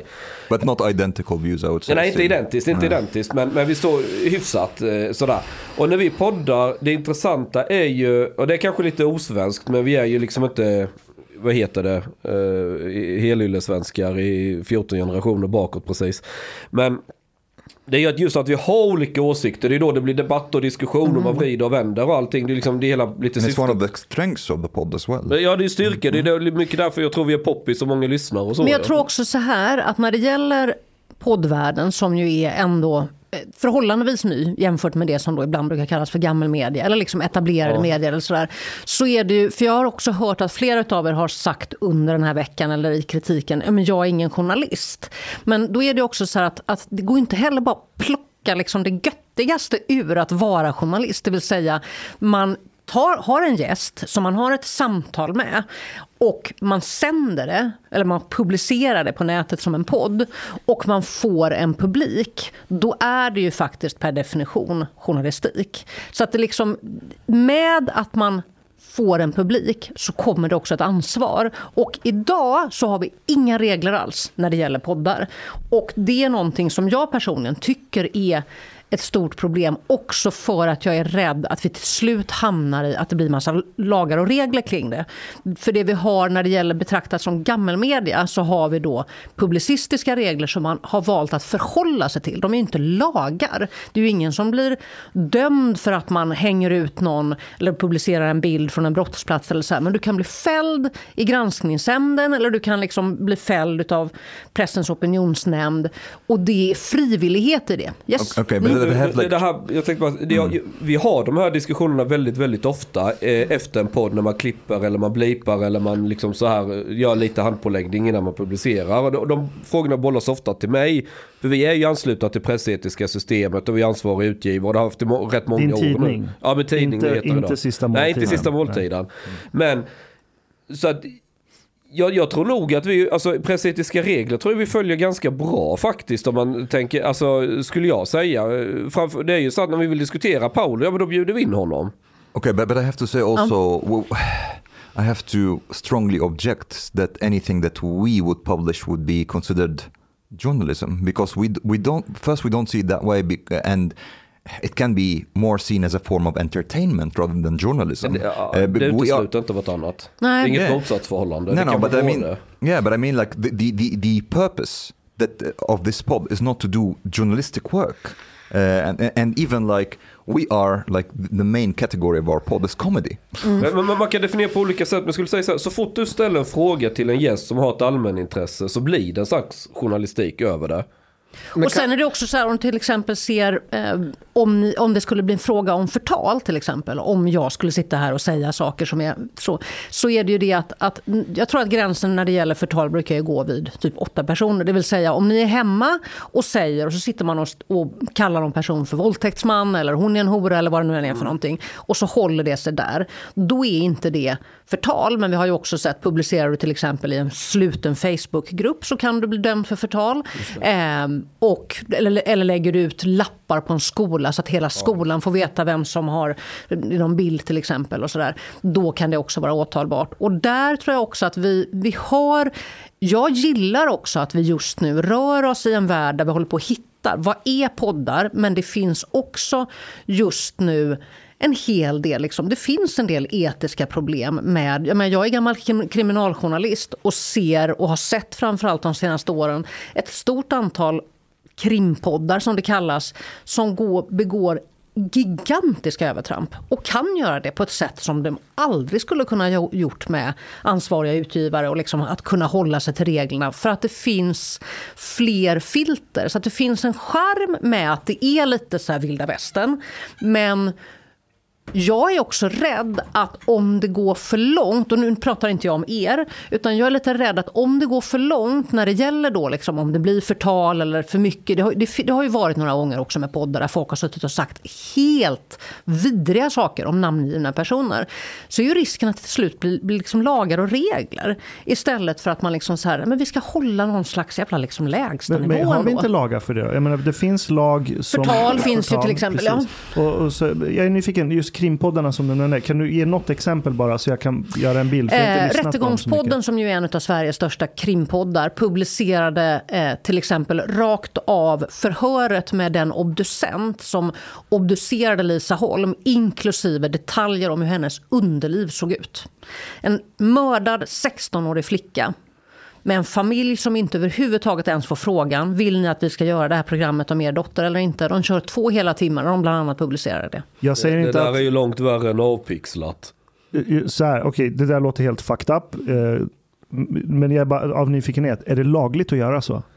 Som det ser ut idag? Alltså det som jag tror, st den stora liksom dilemmat här, och det är ju så här, det är ju offentligt. Alltså så här, de allra flesta eh, förundersökningar är till stora delar offentliga. Det kan finnas vissa bilder eller vissa delar av förundersökningen som är hemligstämplade. Och då finns det fortfarande hos en del som är så här, men herregud, så mycket det finns i den här förundersökningen. Och här har vi alla banden, låt oss publicera. Ja men det är ju det som är hela grejen med just journalistik om att det finns en redaktion. Att man är där längs med vägen och bromsar och bara så här, ja men vänta lite, bara för att det finns en bild på ett avskjutet huvud så betyder ju inte det att vi ska publicera bilden på det här huvudet. Men där det fortfarande är lite grann att vissa har inte den här kompassen om man säger så då, i form av hur långt ska vi gå? Vad får vi lov att göra eller inte göra? Och att det bara handlar ibland kanske om, ja men så här, vi är tillbaka i empati på något sätt. Liksom. Men ligger inte problemet då i vad som får liksom begäras ut i form av offentliga... Jag, jag Jo, för jag tror att det finns en risk. Vi har ju redan idag jättestora problem att folk inte vågar vittna i domstolar. Och jag tror att poddar som då kör ut alla, allting som finns offentligt går att köra ut. Så finns det en viss risk att människor... Jag vet också att de anhöriga till polismännen som blev mördade i Alexander. Alla deras förhör har också körts ut i olika poddar där de sitter och gråter, nästan skriker om sin sorg efter att de här männen blev avrättade av nazister på en, på en vä vä väg. Och jag tänker så här, de har ju inte fått frågan, får vi lov att publicera det här? Eh, utan det finns där offentligt och så kör man ut det och så tycker man att det har gått ett antal år. Eh, men det är det jag menar att liksom, risken finns ju också att folk kommer så här till slut inte vilja ställa upp och bli förhörda. För att de tänker så här, "Ja, men risken är att jag landar i liksom någon podd sen. Är inte problemet då på den nivån och inte faktumet att eh, informationsteknologin har gjort att fler medier kan skapas på gott och på ont. Eh, så då, då, då, blir- det is- istället frågan, ska vi begränsa människors frihet att kommunicera öppet om det man får kommunicera Fast jag tycker om? att det är jättefarlig väg att gå om vi börjar hemligstämpla mer rättegångsmaterial än vad vi redan gör. Det, Ja, finns, det- det- möjligheten det- Till, till, det finns möjligheten till lyckta dörrar. Mm, Till exempel så är det så att förhör som handlar om en våldtäkt är i princip alltid hemligstämplade. Eh, väldigt unga brottsoffer och liksom sådär.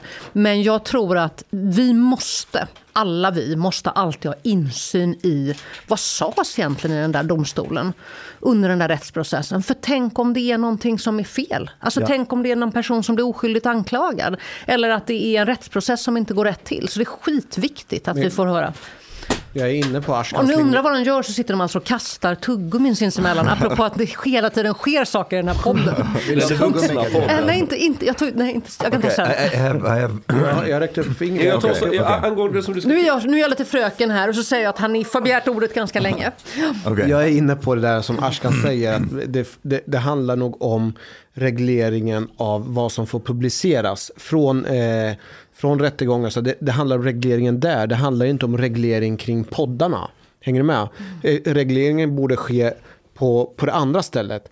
För så som jag ser det, att, eh, tankevurpan som jag uppfattar du gör, det är att du vill tillskriva poddandet ett journalistiskt verk medan jag menar på att eh, poddandet i sig bör ställas vid sidan av det för det här är en ny form av media som kommer och kommer där möjligheterna är oändliga och där det inte behöver konkurrera eller vara det är inte samma sak som journalistik utan vi måste ställa det vid, vid sidan av. Men då kanske det är så här då. Om vi låter bli att prata journalistik så kanske det är så att man ändå måste kunna prata ansvar utifrån att det finns en publik. Oavsett om det är humor eller om det är journalistik eller om det är en korsning däremellan. Okay, perhaps, perhaps so, but but at the same time, I would say, yeah, we, we can get this criticism that we have this pod and we're talking that way and so on. But I think also the culture needs to change in a way that they are able to understand that there can be a group of people sitting together uh, and having different opinions, and they are they, they should not again make us into a monolith and able to understand uh, okay what or, or to question even okay what does hanif for example think on this question uh, what does mustafa think not what sista måltiden thinks about this question Ja, Men det är, en, annan fråga. Alltså, det som diskuteras är lite ansvaret hos den som publicerar. Yeah, För oavsett om vi anser att vi ägnar oss åt journalistik eller inte så publicerar vi. Vi är publicister för vi publicerar någonting. Varje gång vi lägger ut podden. Och pressetiska regler är ju väldigt enkelt egentligen. Det handlar om att du, ska inte orsaka någon en oförsvarlig publicitetsskada. Så om jag snackar lite skit om Paul och säger några halvt sönderboxad hjärna, då får man ju ställa sig frågan, är det påståendet försvarligt eller oförsvarligt? Och så kan man argumentera utifrån det. Lär man sig de här grundreglerna, hur press, pressetiska systemet funkar, så kan du applicera det på allt i poddar eller du står och håller tal för hundra pass någonstans eller vad den må vara. Och det är en ganska vettig grej faktiskt. För det vore väldigt synd om vi skulle börja förhandscensurera en massa material från tingsrätter. Att, att vi har en väldigt stor öppenhets, eller offentlighetsprincip, det gör det blir väldigt enkelt att bedriva journalistik och granska makthavare och hela den här biten. Skulle den pajas för att några idioter sitter i en podd och inte kan sluta prata om Lisas underliv eller vad fan det var. Det, det, alltså, det, det är ett jävla nerköp där. Men och det är ju också det som är, det är ju ett faktum att det finns en stor efterfrågan på saker som, som liksom kommer i liksom, vad ska säga, bakvattnet utav, utav nya medier. Den vanligaste googlingen när det gäller bilder, så är, när det gäller Vilma som blev, blev mördad ja. av sin pojkvän, det är Vilma bild huvud. Ja, den bilden finns tack och lov inte ute för att den har hemligstämplats ja. utav polisen. Eh, bilden existerar ju för att så fruktansvärd ja, i verkligheten. Det måste dokumenteras. Men jag vet ju också rättsfall. Eh, det finns, eh, jag tänker inte ens dra hennes namn nu för jag vill inte folk ska googla på det. Men det finns en tjej som blev mördad i Göteborg för tio år sedan. Där det blev en teknisk miss av polisen. Vilket gjorde, och hon var en blond svensk tjej och gärningsmannen kommer från Afrika. Vilket gjorde att bilder från den här eh, förundersökningen hamnade ut på rasistiska sajter över hela jordklotet. Väldigt mycket ryska sajter la direkt upp så här, så här går det med svensk integration så här, så här går det när svenska kvinnor möter afrikanska män. Och så fanns det bilder på henne naken, våldtagen, död. Eh, och det är liksom, och där är det då en miss som har gjort det. Men det säger ju också någonting om att det finns en stor efterfrågan på den här typen av bilder. Det är bara att gå in på vilken Flashback-tråd som helst som handlar om mord så efterfrågas det väldigt ofta. Finns det bilder i fuppen? Finns det bilder i fuppen? För man vill se ja, ja, liket. Eh, och om man bara så för en stund tänker så här, okej okay, om det vore min syster, min dotter, min mamma skulle jag vilja att hon, död, våldtagen, naken, hamnade ute på alla sajter på hela jordklotet. Och liksom dessutom så är det bilder som inte någonsin kom, går att få bort. Eh, så att det är ju också så att det går inte heller bara att, att snacka publicistik för att det också finns det finns en efterfrågan. Hur sjukt vi än tycker att det är så finns det en efterfrågan. Jag, jag ser konflikten där och jag menar jag, jag, skulle inte vilja att man försvårar för människor att kunna begära ut offentliga uppgifter för att, men som du sa Chang, det är ett nedköp. För att det finns en enorm styrka att man ska kunna granska makten, granska vad som har sagts i domstolar och så vidare. Samtidigt vill jag inte att man ska begränsa människors kapacitet att göra sin röst hörd. Och det har såklart sina negativa priser också. Men att få sin röst hörd på internet. Eh, hur ser du en potentiell lösning om du fick ett trollspö och kunde lösa det här problemet? Lite överdriven fråga kanske, men ser du någon väg där de här två kan mötas?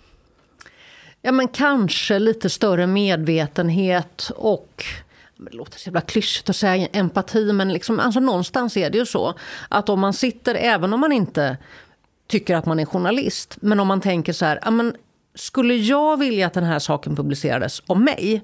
Eller kan jag stå för det här om jag möter personen som jag nu pratar om eller som, som jag publicerar om? Det kan ju vara ett, liksom, i alla fall ett, en bra måttstock att ha med sig kring, ska jag trycka på sen nu? Och det gäller ju även alla vi människor som har konton på sociala medier. Ska jag, trycka, ska jag skicka iväg den här kräkemojen nu eller vad det nu är för någonting som är jag brukar tänka att det är alltid en bra idé att om man skriver någonting väldigt, väldigt argt så ska man låta det ligga ett halvt dygn och sen går man tillbaka och så tar man bort de värsta invektiven och, och lugnar ner sig lite grann och så plockar man och sen kanske man... Jag är helt med dig på teoretisk plan. Men mm. jag tänker att om, och att det där ska instiftas i, på kulturellt plan, absolut, såklart. Så här, öka empatireglaget, helt med. Men om, om, om man applicerar det argumentet på hur du kände dig när du tryckte på sänd. När du med, skrev... med texten som jag eh, skickade till Expressen. Eller den Exakt. som jag skrev till eh, Hanif. Ja, precis. Tycker du att du uppfyllde dem? Absolut. Jag står för, absolut för allting jag har skrivit i, i artikeln. För jag tycker, det som jag också lyfter fram i den här texten, det är ju det som jag tror att ni vänder er emot, nämligen att ni är del utav någonting större. Att just den här våren, 2021, där vi befinner oss nu, så pågår det en, det pågår någonting större som har att göra med att män som på olika sätt har betett sig svinaktigt, om vi sammanfattar det så. Vissa har gjort kriminella saker och vissa har, har friat från alla anklagelser. Och så där. Men de har själva också sagt att de har betett sig tölpaktigt eller svinaktigt eller jag kladdade men tafsade inte eller vad det nu än är för man använt för ord. Eh, så vill de tillbaka in i värmen. Och vi har sett ett antal exempel. Ja, men ni har inte ansvar för att Göran Lamberts kallar till en presskonferens hemma i, sitt, eh, i sin trädgård. Och framförallt att SVT väljer att direktsända när han står där och babblar och också namnger kvinnan och kallar henne för massa saker. Ni har inte heller ansvar för Soran Ismail-dokumentären som, i två delar som SVT sände. Men ni blir, vare sig ni vill det eller inte, genom att ha Paolo som gäst så blir ni en del del utav någonting som pågår den här våren som handlar om att de här männen vill tillbaka in i värmen. De kallar det att de vill kunna försörja sig igen, men det är ju liksom det finns ju massa sätt att försörja sig som inte är... De har bestämt sig för att jag vill göra exakt samma sak som jag gjorde innan jag blev... Innan jag gjorde bort mig eller innan jag blev, som de kan, kallar det, cancelled så att säga. Katarina, vad hade du för förslag de- till Men, men, eh, men, Paolo men, att han skulle försörja sig? om Annik, han hade vänta, vänta. Det här är, det här är jätteintressant. Ska de inte få komma tillbaka till värmen?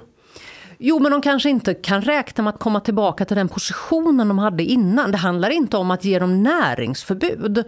Det handlar inte om att de inte ska kunna försörja sig. Eh, men det kanske inte...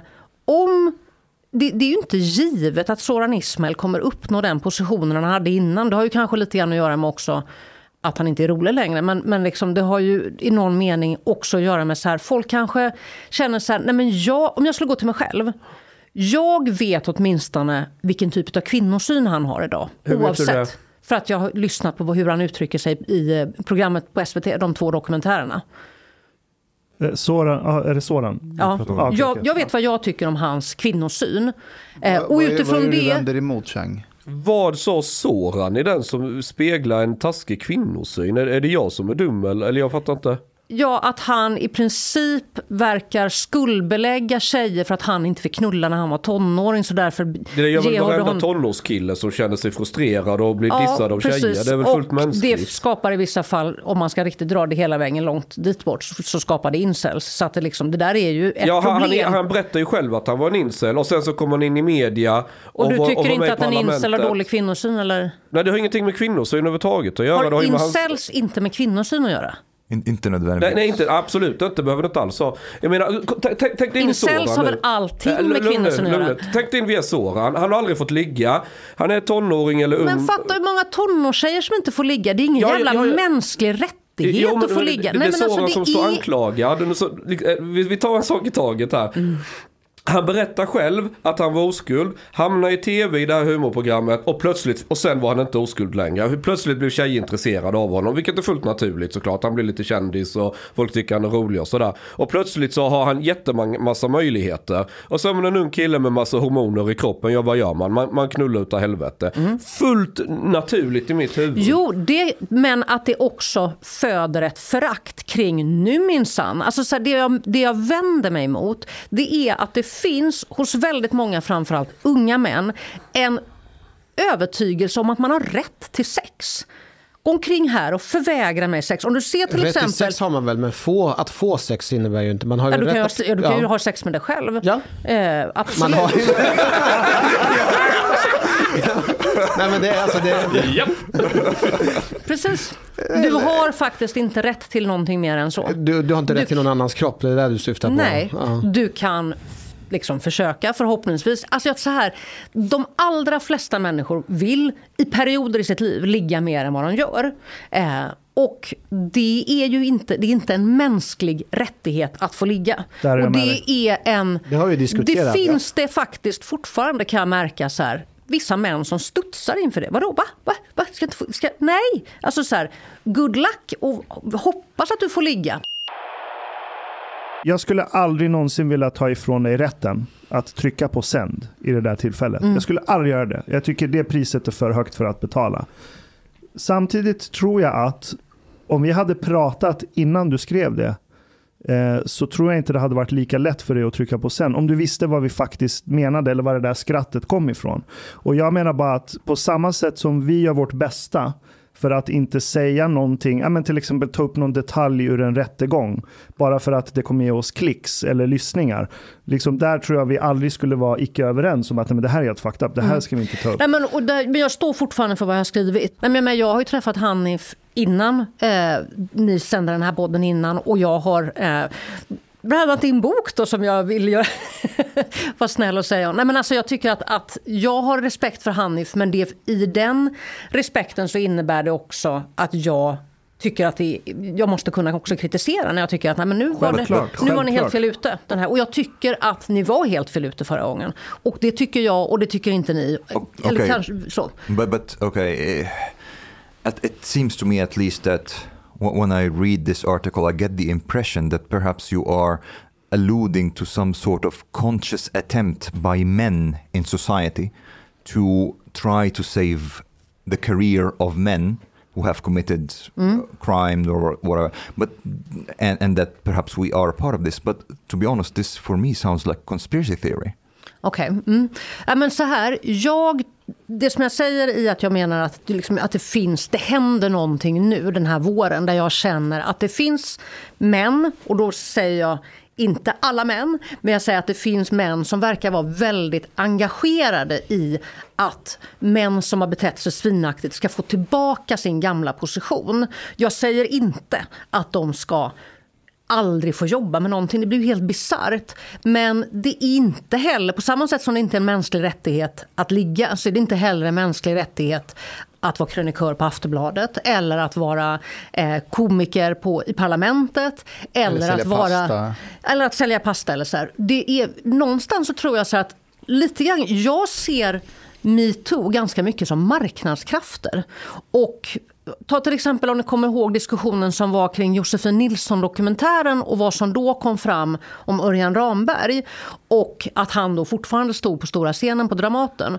Och där det blev helt plötsligt väldigt tydligt för Dramatens ledning att, men vänta lite nu, vilka är våra främsta kunder? Det är kulturkvinnor, om man säger så, inom någon slags citationstecken. Jag har Kvinn- bilden framför mig redan. Kvinnor köper de flesta biljetter och till slut så kommer det till en punkt där kvinnor säger inte fan tänker jag köpa en biljett till en föreställning med Örjan Ramberg i huvudrollen. Det är inte en konspiration, det är inte cancel culture, det är inte lynchjustis. Utan jag menar att det är marknadskrafter som säger och jag känner själv också så här, nej jag har inte lust att köpa Paulos pasta. Yeah, but this was not my Det question. det This, this was not my 100%. question, and I agree that these men don't necessarily have the right to to have the same careers they've they've had. What I am criticizing is that. At least what I understood from you is that you are claiming that there exists some kind of, um, like I said, an, a conscious attempt by Okay. men society, including us, that we are maybe trying to Yes, save men då ska jag försöka förtydliga mig.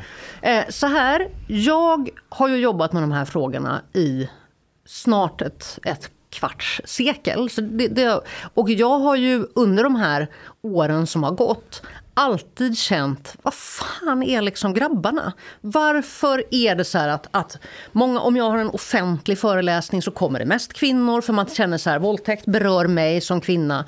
Eh, och då tycker jag att det blir intressant att se att när vi pratar cancel culture eller när vi pratar deplatforming eller när vi pratar om att folk inte gillar Soran eller folk vill inte köpa Paulos pasta eller sådär. Då tycker jag, i alla fall min personliga liksom, mening är att då tycker jag mig märka helt plötsligt ett otroligt stort manligt engagemang kring de här grabbarna och deras möjlighet att komma tillbaka in i värmen. Och så känner jag så här, fan allt det här engagemanget kunde ni inte liksom det kan man väl, liksom, för att det är ju ett faktum att jag och många andra kvinnor med mig som jobbar med de här frågorna många gånger känner Hallå, var är ni? Var är ni grabbar i de här frågorna?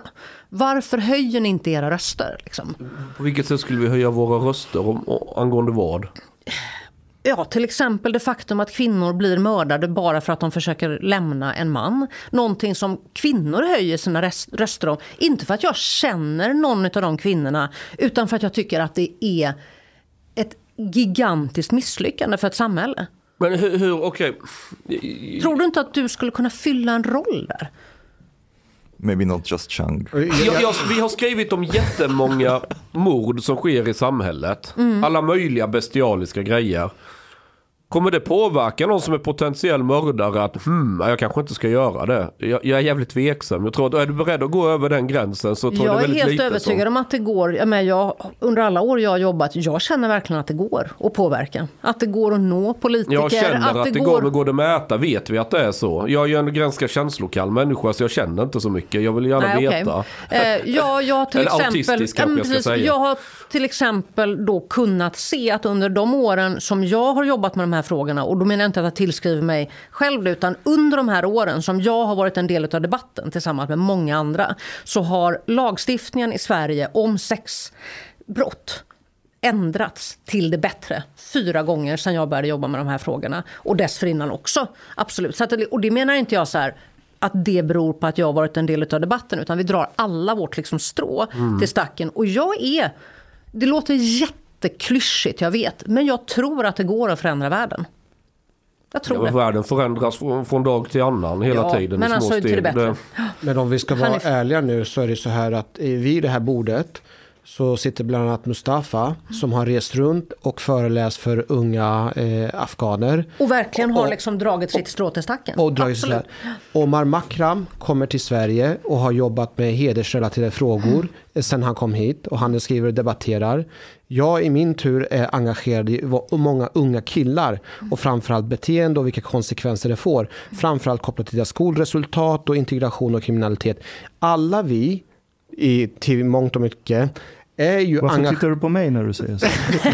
Du är engagerad på ditt sätt men jag vet inte riktigt hur jag ska förklara. Du är arbetslös.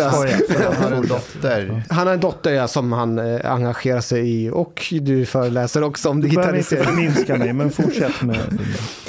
Det jag försöker säga är att vi är ju engagerade. Yes. Där jag uppfattar lite grann att vårt engagemang handlar om inte att vi är engagerade i, i frågan om i vilken sak och hur vi är engagerade. Faktum är att vi tar hit Paolo, framför vår åsikt om honom, moraliskt diskuterar, vi ventilerar hur man ska förhålla sig till vänner. Det är ju om något att ta sitt ansvar. Eh, så men jag uppfattar att på grund av att det inte sker precis på sättet som kanske du vill eller andra vill eller att, folk inte, att inte män dyker upp på dina föreläsningar eller bokförsäljning och allting. Då tillskriver man att män inte är engagerade. Män är engagerade i många frågor men det som jag uppfattar problemet är att män ska vara engagerade just i kvinnofrågan. Eller man ska är ju- vara på, på ett, du tycker att liksom vi sätter lite grann... Och jag, jag tolkar det så här. Du tycker att vi, och då säger jag ja med någon slags liksom bakgrund bakom mig. Att vi sätter villkoren för hur ni ska vara engagerade. Ni har redan bestämt kontextet och ni vill att vi ska göra som så. Och kritiken är ju varför spottar Nej, inte så. Men varför sa ni inte ifrån? Varför skrek ni inte? Varför sa... Vi sköter på vårt sätt. På, på så sätt som vi alltid har gjort. Och jag sköter mitt sätt att bemöta personer oberoende om de är unga ute i förorten eller här i min studio. Så be, bemöter jag dem med empati. Men då får jag den empatin tillbaka rakt uppkört i min hals. Att det är fel sätt att bemöta människor. Så jag tycker till viss del att kritiken som framförs är väldigt, väldigt orättvist utifrån att vi gör det på ett annorlunda sätt. Jag är övertygad om att... Låt, låt, låt jag, Katarina svara på det där bara. Jag tror så här, dels så tror jag att skulle du fråga i princip vem som helst som har fått kritik så tycker man alltid att den är orättvis. Jag tycker att, att kritiken jag får från min dotter om matlagning är orättvis. Förstår du? Det är på den nivån. Jag tror alltid Är att du bra på matlagning? I, jag är grym på matlagning. Man ska alltid fråga tjejer om de är bra i köket. Ja, Sängen är inte hur? lika viktig. Nej men vad jag menar är att jag, jag förstår dig i att, att um Liksom, kritik gör ju ont. Så. Jag, menar, jag går hit idag och räknar med att jag kommer få stor kritik för att jag, på samma sätt som att ni fick kritik för att ni hade Paolo här, så kommer jag få kritik för att jag sitter här med dig Chang. Du sitter för på att, samma stol som Paolo, du vet. Du lever jävligt farligt. Nu tror ju inte jag att kvinnor Du går i Paulos fotspår. Nej, jag tror inte att kvinnosyn grupp. smittar vid liksom droppsmitta, utan jag tror att det sitter djupare än så faktiskt. Jag, jag, Ehm, eller förlåt. Nej, nej, utan, nej men så att jag tror att så här att att vara i debatten är också att liksom öppna sitt... Så här, nu, nu får man också lov att vara öppen för att man kommer få kritik. Och ibland suger det, ibland gör det jätteont. Och det, det, jag, jag har hört er i form av att ni tycker att en del av kritiken ni fick gjorde ont eller kändes orättvis och orättfärdig och så här. Och jag står fast vid att jag tycker fortfarande att liksom den kritiken jag skrev i min text, som inte bara handlar om er för övrigt, ändå, jag, stod, liksom, jag jag tror jättestarkt på att jag vill inte publicera texter som jag känner sen efter en vecka, nej det här kan inte jag stå för. Utan det har jag så intränat i mig, att ta det lite lugnt och räkna jag med. Har, jag, jag har en fråga till Katarina. Mm. Du har eh, döttrar antar jag? En dotter och en son, ja. Jag frågar hur gammal hon är? Hon är 14 och min son är 17. Okej, okay, säg, säg, att din, eh, svara ärligt på den här frågan. Ja. Säg att din 14-åriga dotter kommer hem och säger så här, mamma jag har träffat en kille och han är jättebra, han säger att han är feminist och han brinner för kvinnofrågor Men han är inte Paolo? Nej, nej, nej, nej exakt. exakt. nej. Han, han pratar om feminism hela tiden och han, som det här är hans hjärtefråga. Han är väldigt engagerad med olika Facebookgrupper för kvinnorättigheter och går på föreläsningar om, om, om feminism och sådär. Hade din magkänsla varit wow, du har hittat en bra kille eller hade du haft samma magkänsla som jag? Spring därifrån. för att du menar att det liksom är för tillrättalagt? Det Oftast för... så är det de, när du pratar om engagemang, så är det de killarna som har en Kapten Klänning eh, liksom, identitet som de döljer med det här Nej, engagemanget. Ja, men jag har ju träffat den personen som kallas för Kapten Klänning på just föreläsningar och bytt telefonnummer. Så här, ska vi ses och prata? Och, och, så jag håller helt och hållet med att det finns ju väldigt lätt att... Så här, jag skulle aldrig döma en pojkvän eller för den delen flickvän till min dotter, vad hon nu väljer att, att göra utifrån bara vad hon säger, utan jag tror ganska mycket på att man träffar personen. Men, men visst är det så att det finns... Jag är nog mer så här att om min dotter skulle komma hem med en pojkvän som gör jag säga, alla de rätta sakerna enligt den här liksom romantikboken han, han står utanför hennes skola med röda rosor. Eller han gör alltså såna saker som, som är som hämtade ur någon jävla film. Spring. Då skulle jag säga spring. What if she says att he listens to Sista Måltiden? Där går gränsen. Då Nej, skulle jag förmodligen säga så här, men vad bra, då kan vi lyssna på det ihop. Jag tror överhuvudtaget mycket på att göra saker ihop med, med kidsen. Att faktiskt ha snack. Ja, vad kul. Lyssna på lite samhällskritiska poddar med svärmor. What could possibly go wrong? Precis. Nej, men du förstår jag är nog svärmorden från helvetet. Liksom. Aha, Då har du inte träffat min. Är det, är precis, är det... Är det... En, en, en äkta bolsjevik från uh, mörkaste Uralbergen. Jag, jag, vill bara tillföra en sak till protokollet. Mm. Eh, liksom, nu sitter vi och diskuterar en hel del utifrån det du skrev. Ja. Och, eh, och i samma veva så nämnde jag de här tusentals kommentarerna, där vissa kommer från din post. Eh, men jag vill bara tillföra till protokollet, jag köper inte den här svansargumentationen. Jag tillskriver inte dig någonting av det som har sagts.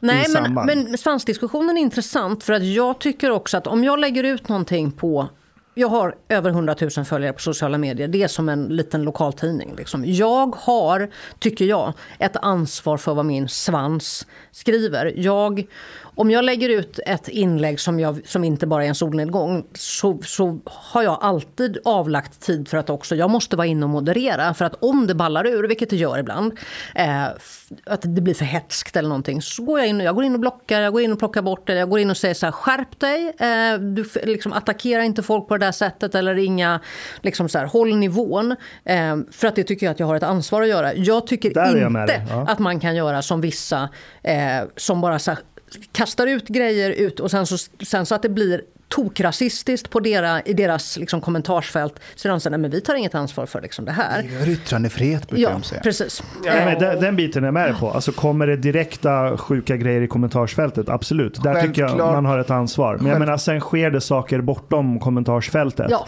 Och där tycker jag att där kan man inte göra någonting mer. Liksom, ska man börja ha ansvar för den svansen, well, då kan man lika gärna bara... Och nu ska jag bara säga att jag håller helt med dig. Och det är det här som, är, som gör att, att folk har lite svårt för oss.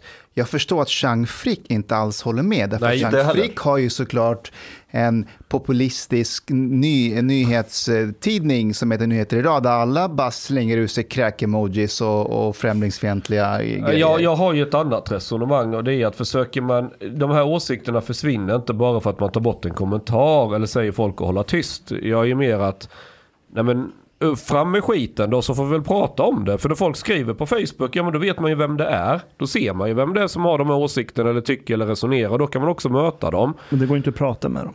Nej men då går det inte det. Vissa är idioter. Vissa har boxat sönder halva hjärnan. Nej men så är det. det är, alltså, Fast det där stämmer, nu har du sagt det flera gånger om Paolo, det där stämmer ju inte. Han är oerhört adekvat när han pratar träning och när han pratar, Inte när han pratar han. om- det kan han. Han Ja. har i ryggmärgen. Men- Han- Så nu sitter jag ju här helt plötsligt och försvarar han- Paolo jag har Roberto. haft- så här- så här- jag- jag. Jag jag har You have been radicalized. Nej, nej, utan snarare att jag köper, jag köper inte ursäkten att det skulle handla om en nej, men jag- eh, sönderboxad hjärna. Jag har haft, det var faktiskt en kompis till honom som gav mig det uttrycken han skulle beskriva Paolo. Eh, inget illa ment om Paolo, det var inte det men eh, jag skrev en text om det med liksom, till Paulos försvar. Att ja, pratar vi pasta, pratar vi eh, boxning, och så, då kan han sina saker. Pratar vi att eh, hur man framställer sig själv i media eller vad som är smart att säga och inte så är han en total katastrof. Och det är det han döms för. För läser man hela fuppen, vilket jag har ägnat mig att göra. Jag har pratat mycket med Paolo. Jag har liksom försökt verkligen få runt huvudet åt alla håll. Jag ringde åklagaren och lyssnade och så vidare och så vidare. Pa- Paolo sabbade det finns ingenting som talar för att kvinnan har varit tvingad på det. Hon har själv köpt biljetterna till, till Sverige. Hon har själv eh, eh hittat den där lägenheten och hyrt och hela den här biten. Det styrks, i, det, det är inget bevis, men, men bilden styrks av en artikel i Expressen också där man intervjuat tjejer som jag tror var från Rumänien. Det skrevs inte vilket land, men det skrevs att det var ett av de fattigaste länderna i Europa, vilket förmodligen då syftar på Rumänien. Eh, eh, är det de beskriver att de gör det helt frivilligt och allting. Och jag är inte en människa som tror att kvinnor är några viljelösa fån som inte kan ta egna beslut eller ta ansvar över sina liv. Det är klart att de har en agent. Men faktum kan... kvarstår att i målet så finns det också en utav sexköparna som med egna ord i en TV4-intervju säger hon var säkert ditvingad. Eh, ja, och det säger han för att Simon Häggström sa så till Paolo innan. Så tänkte han att ja, men så ska jag säga när jag sitter här för att låta trovärdig. Det, det, fanns är ing, det var ingen sant. Det koppling till artikel, verkligheten. eh, Det finns en Det artikel. gäller att läsa Paolo i situationen. Fast det där står i Aftonbladet. Om Ja, men nu blir det här en det metadiskussion. Men, men Ja. så här, jag tror att du, är- du är inne på någonting riktigt där i att, att eh, han sabbade själv. Och jag tror att det är så här att det som sker nu, och som jag också skrev lite grann om i den där artikeln. Alltså det som sker, jag tror att Göran Lamberts när han kallar till en presskonferens hemma i sin trädgård så tror jag att ha- han tror att det här är skademinimering. Han förstör ju ja. det sist. Nu fanns det kanske inte kvar så mycket utav hans trovärdighet ändå. Oavsett vad som, som hände med att han blev polisanmäld för våldtäkt och sen friad från anklagelserna. Utan det har ju kanske att göra med vad han står när det gäller Thomas Quick. Eh, som han fortfarande tror är en, Ja, en där hade han väl seriemördare. redan skjutit sig i foten. Där, ja, men jag tror också så att den här då så kallade skademinimeringen, att bjuda på en fullkomligt bizarr presskonferens hemma i sin trädgård, det är inte en bra idé. Eller att eh, Sorans karriär fick ju inte en skjuts utav den här eh, SVT-dokumentären utan det blev ju bara en ettervärre. Och jag tror ju också att eh, suget efter Paulos pasta blev ju inte direkt större efter er podd om man säger så. Eh, Det, det, det, det, vet, det vet bara han. Och jag, jag har inget ansvar över hans pastaförsäljning. Jag, jag bryr mig inte, det, det får han ta hand om. Men du nämnde innan om marknadskrafter och så, men det är marknadskrafter som gjorde att Paolo hamnade i podden med. För vi vet om att nu har det gått ett år, det är nog jättemånga som undrar vad Paolo säger idag.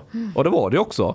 Sen om folk gillar det de hör eller inte, ja det är upp till var och en. Gillar du inte, stäng av. Det är inte inget tving. Vi, jag håller inte pistolen mot någons huvud och säger att Nej, men, du måste där, lyssna på där podden. är jag överens med dig eh, i den bemärkelsen att jag ibland kan tycka att det kan finnas ett värde att sätta en mikrofon under näsan på en person som faktiskt till fullo blottar till exempel sin kvinnosyn eller människosyn eller rasism eller vad det än är för någonting den personen.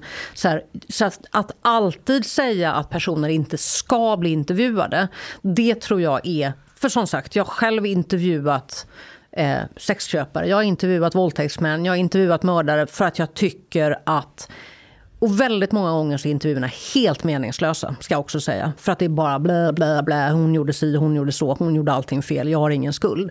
Eh, och ibland så, så ger det någonting, verkligen. Oftast gör det inte det. Men, men, men, och, då får det, och det är det jag tänker överhuvudtaget på samma sätt som varför, varför sätter jag mig eh, här mer. Det kanske är så att alla era lyssnare bara tycker så här, men fy fan varför tog ni dit den där feministen som bara satt och babblade i, i två timmar hos er? En del kommer göra det. Absolut, Absolut. välkommen. Eh, men jag... Ja, men jag har, för mig är det här som jag gör, det är ett livsprojekt. Jag har hållit på med det här i så otroligt många år och jag tänker att jag kommer att komma komma, fortsätta med det här i många, många år till. Och ibland är det så att man når två personer, eller fem, eller tio. Och då får det vara värt det. Alltså vissa som lyssnar på mig nu hos er, som jag ändå inte skulle nå annars. Det är därför jag tycker att, tack för att jag fick komma. Så känner jag så här att då kan det vara bra och kanske åtminstone så här, och jag kanske inte förändrar någon, men jag kanske sår ett frö kring tankar om manlig kvinnlig sexualitet, eller vad det nu än kan vara för någonting. Och då får det vara värt det, även om jag säkert kommer få skit också. I understand that there can be fear of men in group and there can be some kind of destructiveness in the attitude and so on. But the thing is, not always. Uh, and, and there is this kind of skepticism and fear can actually serve to alienate men and, and make them feel that they are being attacked. So e- even if they will behave in a way that could be grabbigt or whatever, it does not mean that it's necessarily bad if does if it does not include any destructive elements in itself. If it does not exclude any kind of like könsdiskriminering or or, or men do not have to men in group don't have to be feminine in order to be acceptable. Absolut inte. Yeah, and and and this is why I think there should be a bit less fear of men in group. Mm. Nej, men, och jag kan känna så här, det finns få saker som gör mig liksom lika glad som om jag ser ett gäng grabbar som sitter tillsammans på en ja, kanske då picknickfilt nu eftersom det är coronatider. Och så ser man att de pratar med varandra. Alltså, och då menar jag pratar med varandra på riktigt. Eller sitter vid ett matbord eller så och snackar. Eller att se två, tre män som stå, går med sina barnvagnar och snackar med varandra och ger varandra det, det sällskapet under föräldraledigheten eller vad det än är för någonting. Att, att se manlig vänskap är ju alltid liksom positivt. För att jag tror också att det är, för jag tycker att det är fruktansvärt sorgligt att män många gånger mår så mycket sämre än vad kvinnor gör. Det, det, är såna enorma mycket större problem med, med självmord hos män. Att män efter skilsmässor, som jag var inne på förut, mår sämre än vad kvinnor gör. Kvinnor lever ofta upp efter skilsmässor och män går ner sig och sådär. Eh, och det säger vi kanske både något, något om hur kvinnor har det i eh, äktenskap, men också någonting om hur det är för män att vara ensamma. Alltså manlig ensamhet är ett gigantiskt samhällsproblem. Så att på det sättet så är det ju så här Män i grupp, yes, bra. Alltså det finns ju många initiativ som har på sig en typisk då feministisk stämpel som är så här, ses i grupp och snacka. Fan gör det. Prata om de här svåra sakerna som hur ska man bete sig om man har en polare som har köpt sex till exempel, om man vet det. Hur ska jag förhålla mig till honom? Eller till exempel så här, hur kommer det sig att vi någon gång varje år så brukar vi få höra talas om att det finns killar som har ingripit mot någon, någon våldtäkt i någon park. De har kanske hört en tjej skrika. Mm. Och så har de kommit dit och så, liksom, så har de skrämt bort mannen eller i vissa fall till och med gripit honom. Det finns några som har fått medaljer för det. Och, så där. och jag har fortfarande till dags dato aldrig stött på ett rättsfall där det har varit en tjej som har blivit våldtagen på en fest. Där polare har stoppat sina polare. Varför är det så? Varför är det så mycket svårare att stoppa, sätta stopp för ett sexuellt övergrepp som inte är mannen som hoppar fram i busken som jag inte känner utan det här är en kille jag har känt hela mitt liv. Det här är min polare. Hur ska jag få stopp på det här? För det han, hon är ju medvetslös. Um, uh, just, just, a, just a little bit I want to mention something about this suicide thing because it's, it's interesting. Ja, det. Uh, the thing is women, uh, uh, like it, suicide attempts are much higher among women men succeed at suicide much more. This is why there actually there's more, more men who commit suicide. Kan det också vara för att män som bestämmer sig för att göra det, gör det för att de verkligen, verkligen bestämmer sig för att nu är jag klar. Mm. Medan eh, bland kvinnor statistiskt kanske det är rop ett på rop på hjälp. hjälp. Mm, Det kan det vara. they choose more violent inte- methods. Ja, men det är inte svårt att ta livet av sig. No, but they choose more violent methods. This- Vilka? This was, det men, svara. men, men choose more violent methods of uh, suicide. det, det, det, den andra grejen om, om, men, alltså, om det är någon kille man känner. Alltså, jag har ju varit i situationer där det har varit någon polare eller någon man känner ytligt som liksom inte som försöker få omkull en tjej och hon liksom säger nej och visar hon är inte intresserad men han fattar inte, han har druckit och fortsätter och fortsätter. Där brukar det ofta sluta att man säger till, ja men kom vi går någon annanstans, skit i henne nu, hon är trött och vill sova och sådär. Och så blir det inget av det och då blir det ju aldrig någon anmälan om Nej. våldtäkt eller trakasserier eller någonting. Men jag tänker att det du säger nu, det är ju jätteviktigt att prata om på det sättet att visa att det här är en normal manlighet. Det är så här man gör. Bara det faktum att du säger det nu i den här podden till dina polare och så sitter jag med här är att det är ju viktigt bara att du säger det. Ja, för mig är det så Eller att du naturlig grej liksom. Alltså, Fast det är det ju många inte för tolkar alla. ju mig som värsta sexisten och jättehemsk och allt det. Det ty- tycker jag är lite roligt för jag gillar alltid att vara den onde. Men, men när jag växte upp, det var ju lite, tänk mellan Skåne Småland, eh, vi snackar tidigt 00-tal, sent 90-tal. Det är de här känsloåren när man formas och det var raggarbilar och, och, och där var ju allting 20 år efter resten av Sverige om, man, om jag uttrycker mig så.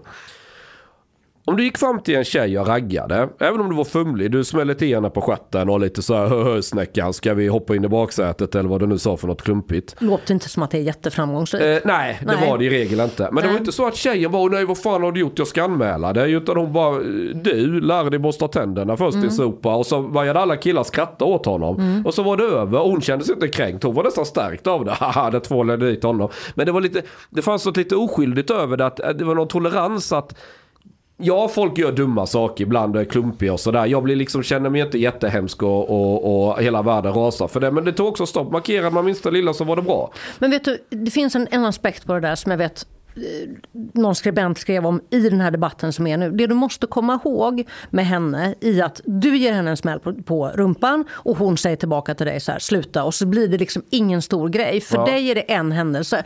Hon kommer ju under sitt liv bli utsatt för det där kanske 500 gånger till, 1000 gånger till. Det är ju inte så att du är den enda som tafsar på henne. Och att vara kvinna och gå igenom livet, det är ju att handskas med i sådana fall då 500 chans. Som, och då kan det ju liksom vara så att till slut så bara känner man så här, nej men nu liksom någon, för, förstår du att liksom för dig är det en händelse, för, för henne så är det ju det är, ju, det är ju så det är att vara kvinna. Att få alla dessa jävla liksom händer i röven när man inte ber om det. Det kan ju vara ett tillfälle, mm, men sen ser det så här... Det, och det flyttar också fram positionerna för vad är jag liksom till slut värd för någonting? Om jag liksom hela tiden ska ha liksom en kropp som folk tar på. Och det, liksom när det sker första gången när man är 15 eller 17 eller sådär. Men sen så är det ju så här... Du, så här, det jag försöker säga är, du är inte den enda som har tafsat på den tjejen med största sannolikhet. För att så ser det ut att leva som Jag kvinna. vet inte om jag sa att jag tafsade på någon. Nej, okej. okej. Kladdade.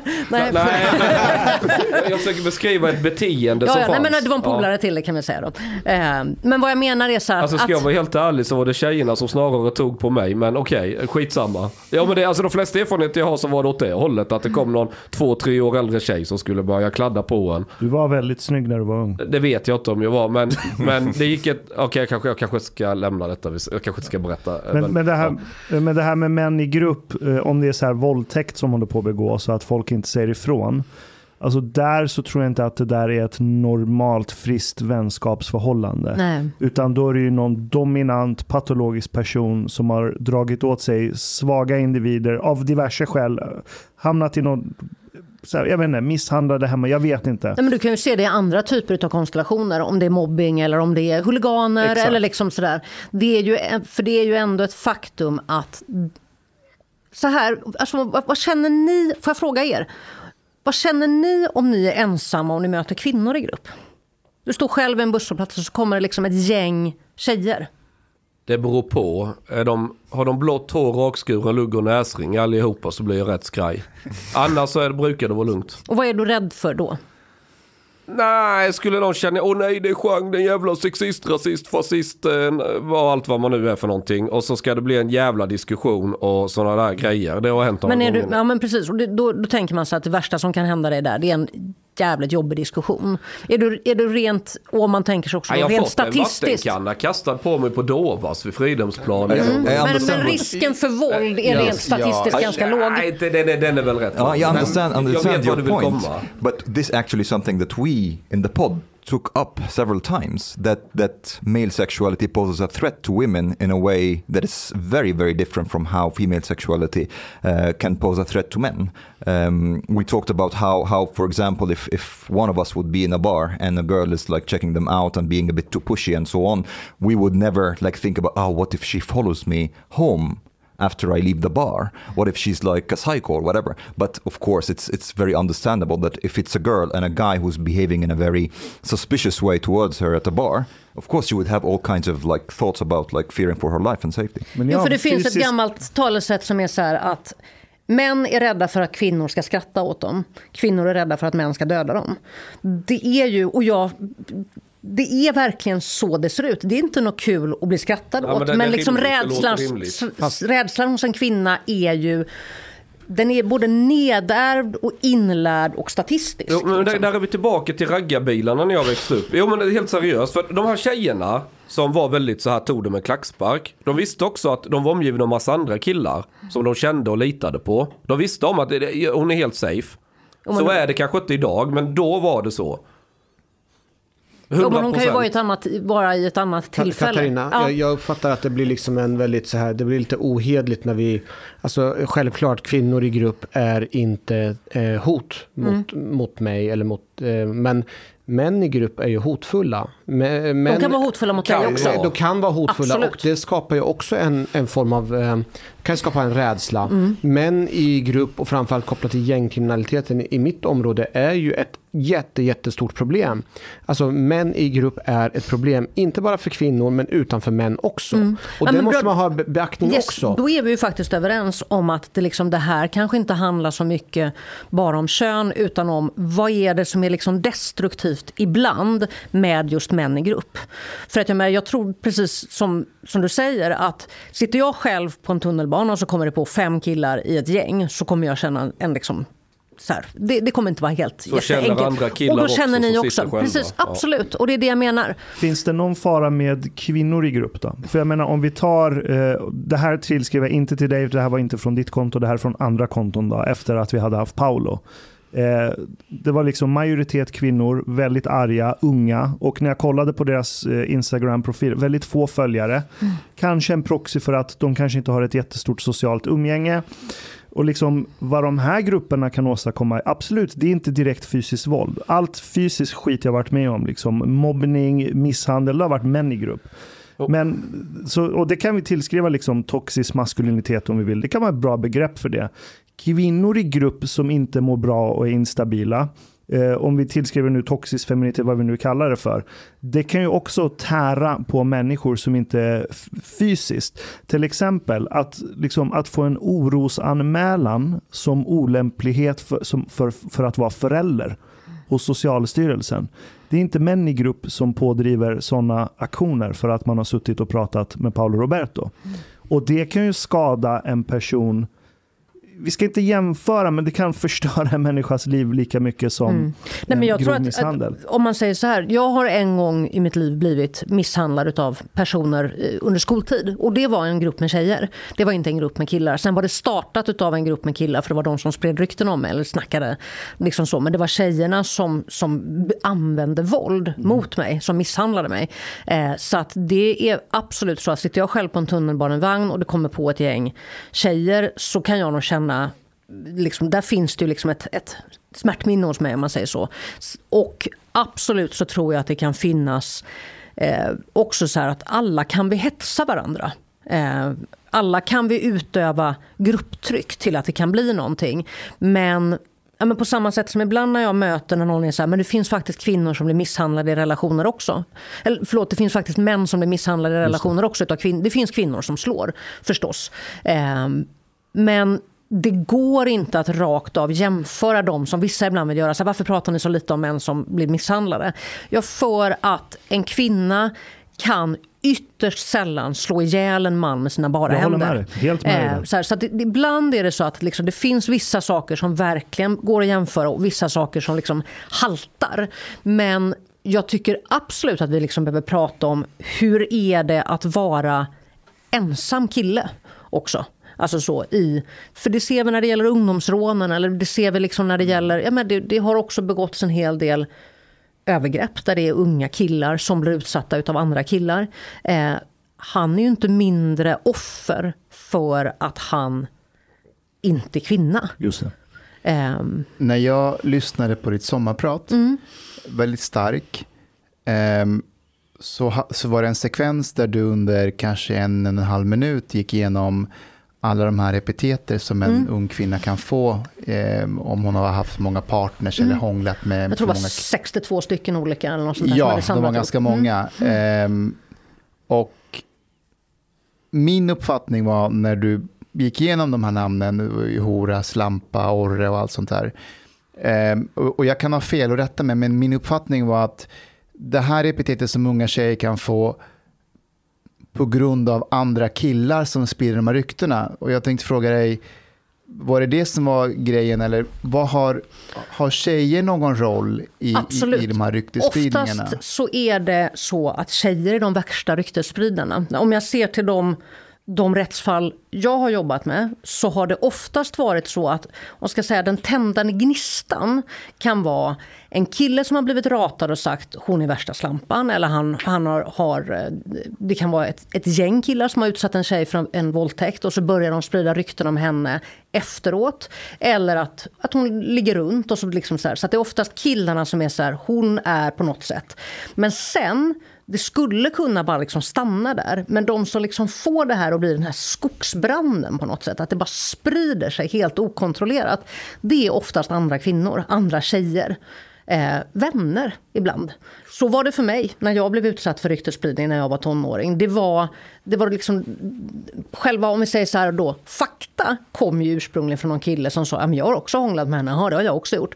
Och sen så spreds det vidare av andra tjejer. Och jag tror att anledningen till att det liksom finns den här ryktesspridningen där, där man kan tycka kanske som kvinna, hur kan man göra så mot andra tjejer? Tror jag har att göra med att man som tjej, när man bygger sin vem jag blir som kvinna, vem är jag? Så är det inte bara utifrån vem är jag, utan det handlar väldigt mycket om att säga jag är inte sån. Jag är en fin flicka för att jag inte är sån. Jag är en bra tjej för att jag skulle aldrig göra si eller så eller så. Vilket också ligger mycket där i all, allt det som finns kring... Ja, men du pratade om något, något fall med någon våldtäkt som du hade mött som polis där andra tjejer hade snackat mycket skit om den här tjejen. Och att det blir ett sätt också att vad ska säga, skydda sig. Jag vill inte också bli våldtagen, alltså vad gjorde hon för fel? Jag tror att man, man som ung tjej vill anförtro sig någon och så, så kanske man anförtror sin eh, närmsta vän. Och eh, kanske en del unga personer som inte vet hur man ska hantera de här frågorna eh, börjar prata och då är skadan redan gjord. Så tyvärr så blir det oftast ryktesspridningarna från just tjej, tjejgrupper. Nej, men och, och sen är det ju också en annan intressant, utifrån det där som du lyssnade på i sommarpratet när jag liksom rabblade upp alla de här olika som genom historien har använts för att liksom stämpla kvinnor. Och sen finns det ju orden om män som är Casanova, Don Juan, Player, som är allihopa på något sätt positivt laddade. Möjligtvis förutom konferensknullare som jag tror att ingen kan... Det var ett nytt ord. Det Har du aldrig hört det? Den är brutal. Eh, Alltså. Den, den är inte så här, den är ju lite, men annars så skulle jag säga att, att om man jämför så är det så att de flesta då ord som används om kvinnor, det är en stämpel. Men det du använder om en man, det är en utnämning. Så är det. Du, blir, du får en titel, han är skolans player. Det finns ganska många killar som gärna skulle vilja vara skolans player. Det är inte tjejer som känner så här, hoppas jag blir skolans hora. Att jag blir den tjejen som blir kallad för orre den här terminen.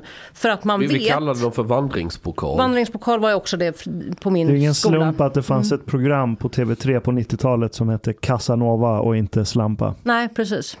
Nej men verkligen, och att det också är någonting som kvinnor genom livet är så jävla rädda för. Att få den stämpeln på sig. Apropå hela vägen tillbaka till någonstans där vi började diskussionen kring att vara den här tjejen som gillar sex eller tar för sig. Och. Men den stämpeln tror jag är störst risk att få av andra tjejer än killar nödvändigtvis. Ja. Visst killar kan hålla på lite sådär men jag tror det är tjejerna som är mest elaka när det kommer till sånt där. Fast det som finns, det bygger ju också på att du vet att om du har en stämpel på dig som tjej så kommer du bli ratad av killar alternativt bara användas för en sak. Inte om man hänger med i min raggarbil. Där är det tolerant vill jag lova. Nej men just det här att det finns en slags uppdelning mellan liksom slampor och flickvänsmaterial. Att det finns liksom, bara, bara att det finns ett ord som flickvänsmaterial tycker jag är så sjukt. Som att man liksom, ja. Men att, att det är, att man gör skillnad på eh, kvinnor som de som man bara ligger med eller de som man kan tänka sig att bilda familj med. Eh, nu byter jag lite ämne Mm. för att inte göra skillnad på män och kvinnor. Vi pratar mycket mat med Paolo. Ja. Och du var ju tillsammans. Jag bara kände så här, nu börjar det bli så jävla tungt. Så nu pratar vi ja, mat. exakt. Nej, men jag älskar Nej, men att prata mat. ja, Låt oss prata och, mat. Och, och du var ju tidigare tillsammans med en iranier. Ja. Hur länge var ni tillsammans? Vi var ihop i tio år nästan. Vi var gifta och vi har två barn. Var det barn... han som lagade maten hemma? Nej, lagade... alltså det är så jävla bittert för att nu är han nämligen ihop med en persisk tjej och nu är han jätteduktig på att laga persisk mat. Ja. För att hon var så här, om du vill ha persisk mat så får du fan laga den själv. Ja. Eh, Medan jag åkte hem till hans mamma som var väldigt duktig på att laga en persisk mat. Nej men så att jag, eh, Eh, jag lagar det mesta av maten men han är duktig på matlagning och sådär. Vad är dina favorit persiska rätter? Jag gillar fossenjan jättemycket. Fast- Nice, den är god. Ja, och allting med eh, berberen. Berbrisen. Ja. och sådär. Så att det, ja, men jag, har, jag har turen att bo väldigt nära eh, en persisk restaurang på Söder. Så att jag brukar vara Vilka är det där? Vi kan göra reklam för dem. Eh, Timmermansgatan, vad heter den? Eh, Är det Tehran Grill? Ja, de Ja, är det var grymma. en grill. Ja, Mm, ja, hur? Jag, jag måste Timmerman. glida igen för jag måste till dagis och hämta ungar. Nej men Okej. ingen, mer, ingen mer No, no, no. mansprat nu. No, no, no, but. I, I want to just ask one last thing. Uh, it seems to me also that in Sweden there's uh, there is this attitude that now it's women's turn to speak and men should take a step back and just listen. And for me, this is a very unconstructive way for dialogue. There seems that there is like a total disinterest in like the perspective of men. What do you think about that?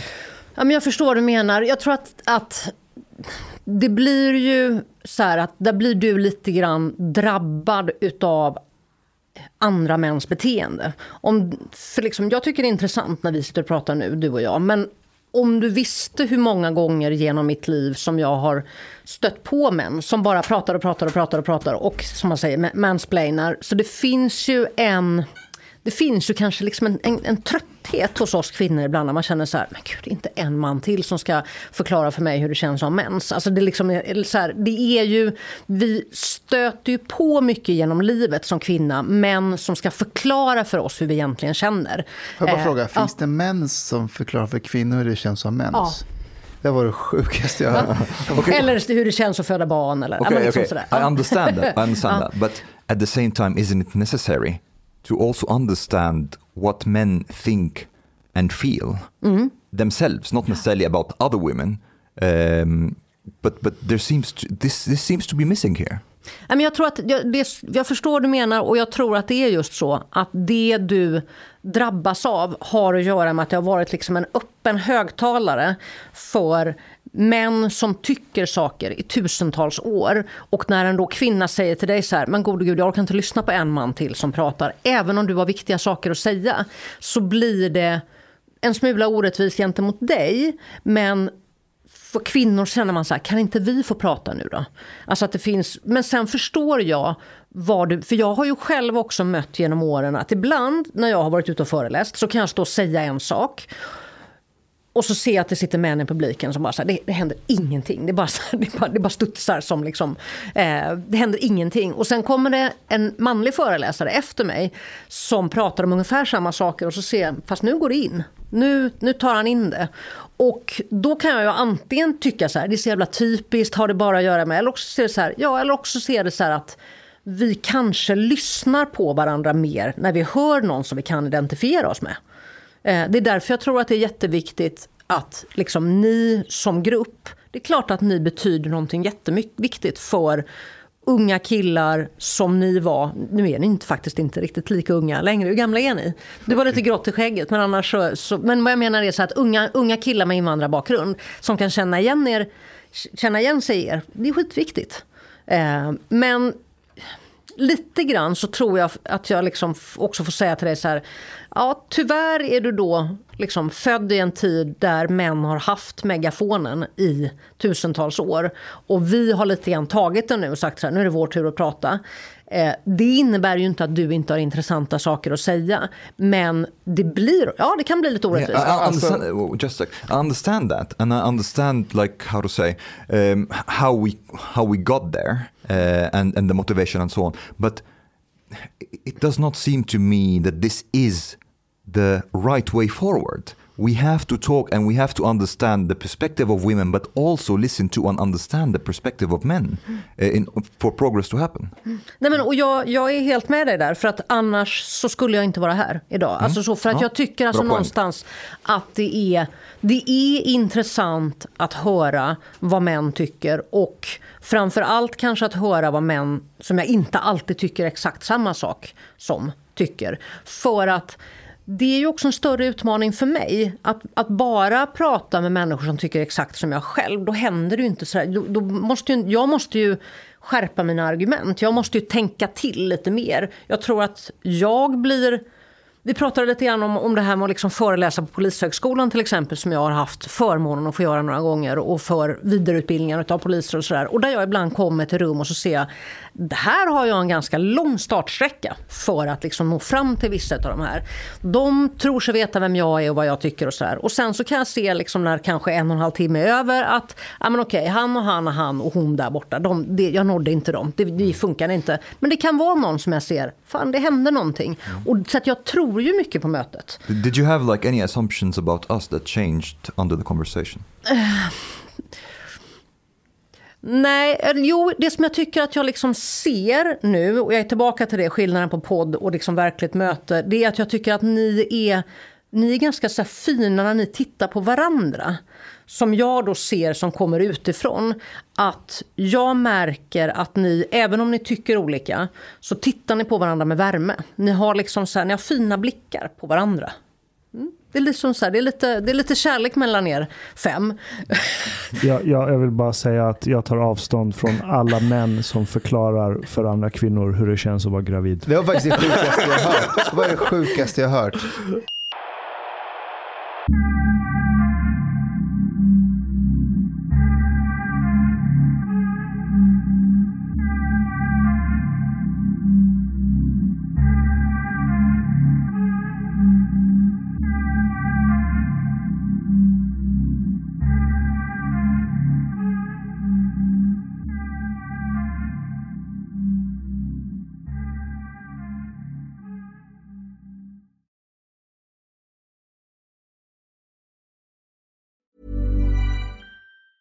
Planning for your next trip? Elevate your travel style with Quince. Quince has all the jet setting essentials you'll want for your next getaway, like European linen, premium luggage options, buttery soft Italian leather bags, and so much more. And it's all priced at 50 to 80% less than similar brands. Plus, Quince only works with factories that use safe and ethical manufacturing practices. Pack your bags with high-quality essentials you'll be wearing for vacations to come with Quince. Go to quince.com slash trip for free shipping and 365-day returns. Hold up. What was that? Boring. No flavor. That was as bad as those leftovers you ate all week. Kiki Palmer here, and it's time to say hello to something fresh and guilt-free. Hello Fresh. Jazz up dinner with pecan-crusted chicken or garlic butter shrimp scampi. Now that's music to my mouth. Hello Fresh. Let's get this dinner party started. Discover all the delicious possibilities at hellofresh.com. Hey, it's Paige DeSorbo from Giggly Squad. High quality fashion without the price tag. Say hello to Quince. I'm snagging high-end essentials like cozy cashmere sweaters, sleek leather jackets, fine jewelry, and so much more. With Quince being 50 to 80% less than similar brands. And they partner with factories that prioritize safe, ethical, and responsible manufacturing. I love that. Luxury quality within reach. Go to quince.com slash style to get free shipping and 365 day returns on your next order. Quince.com slash style.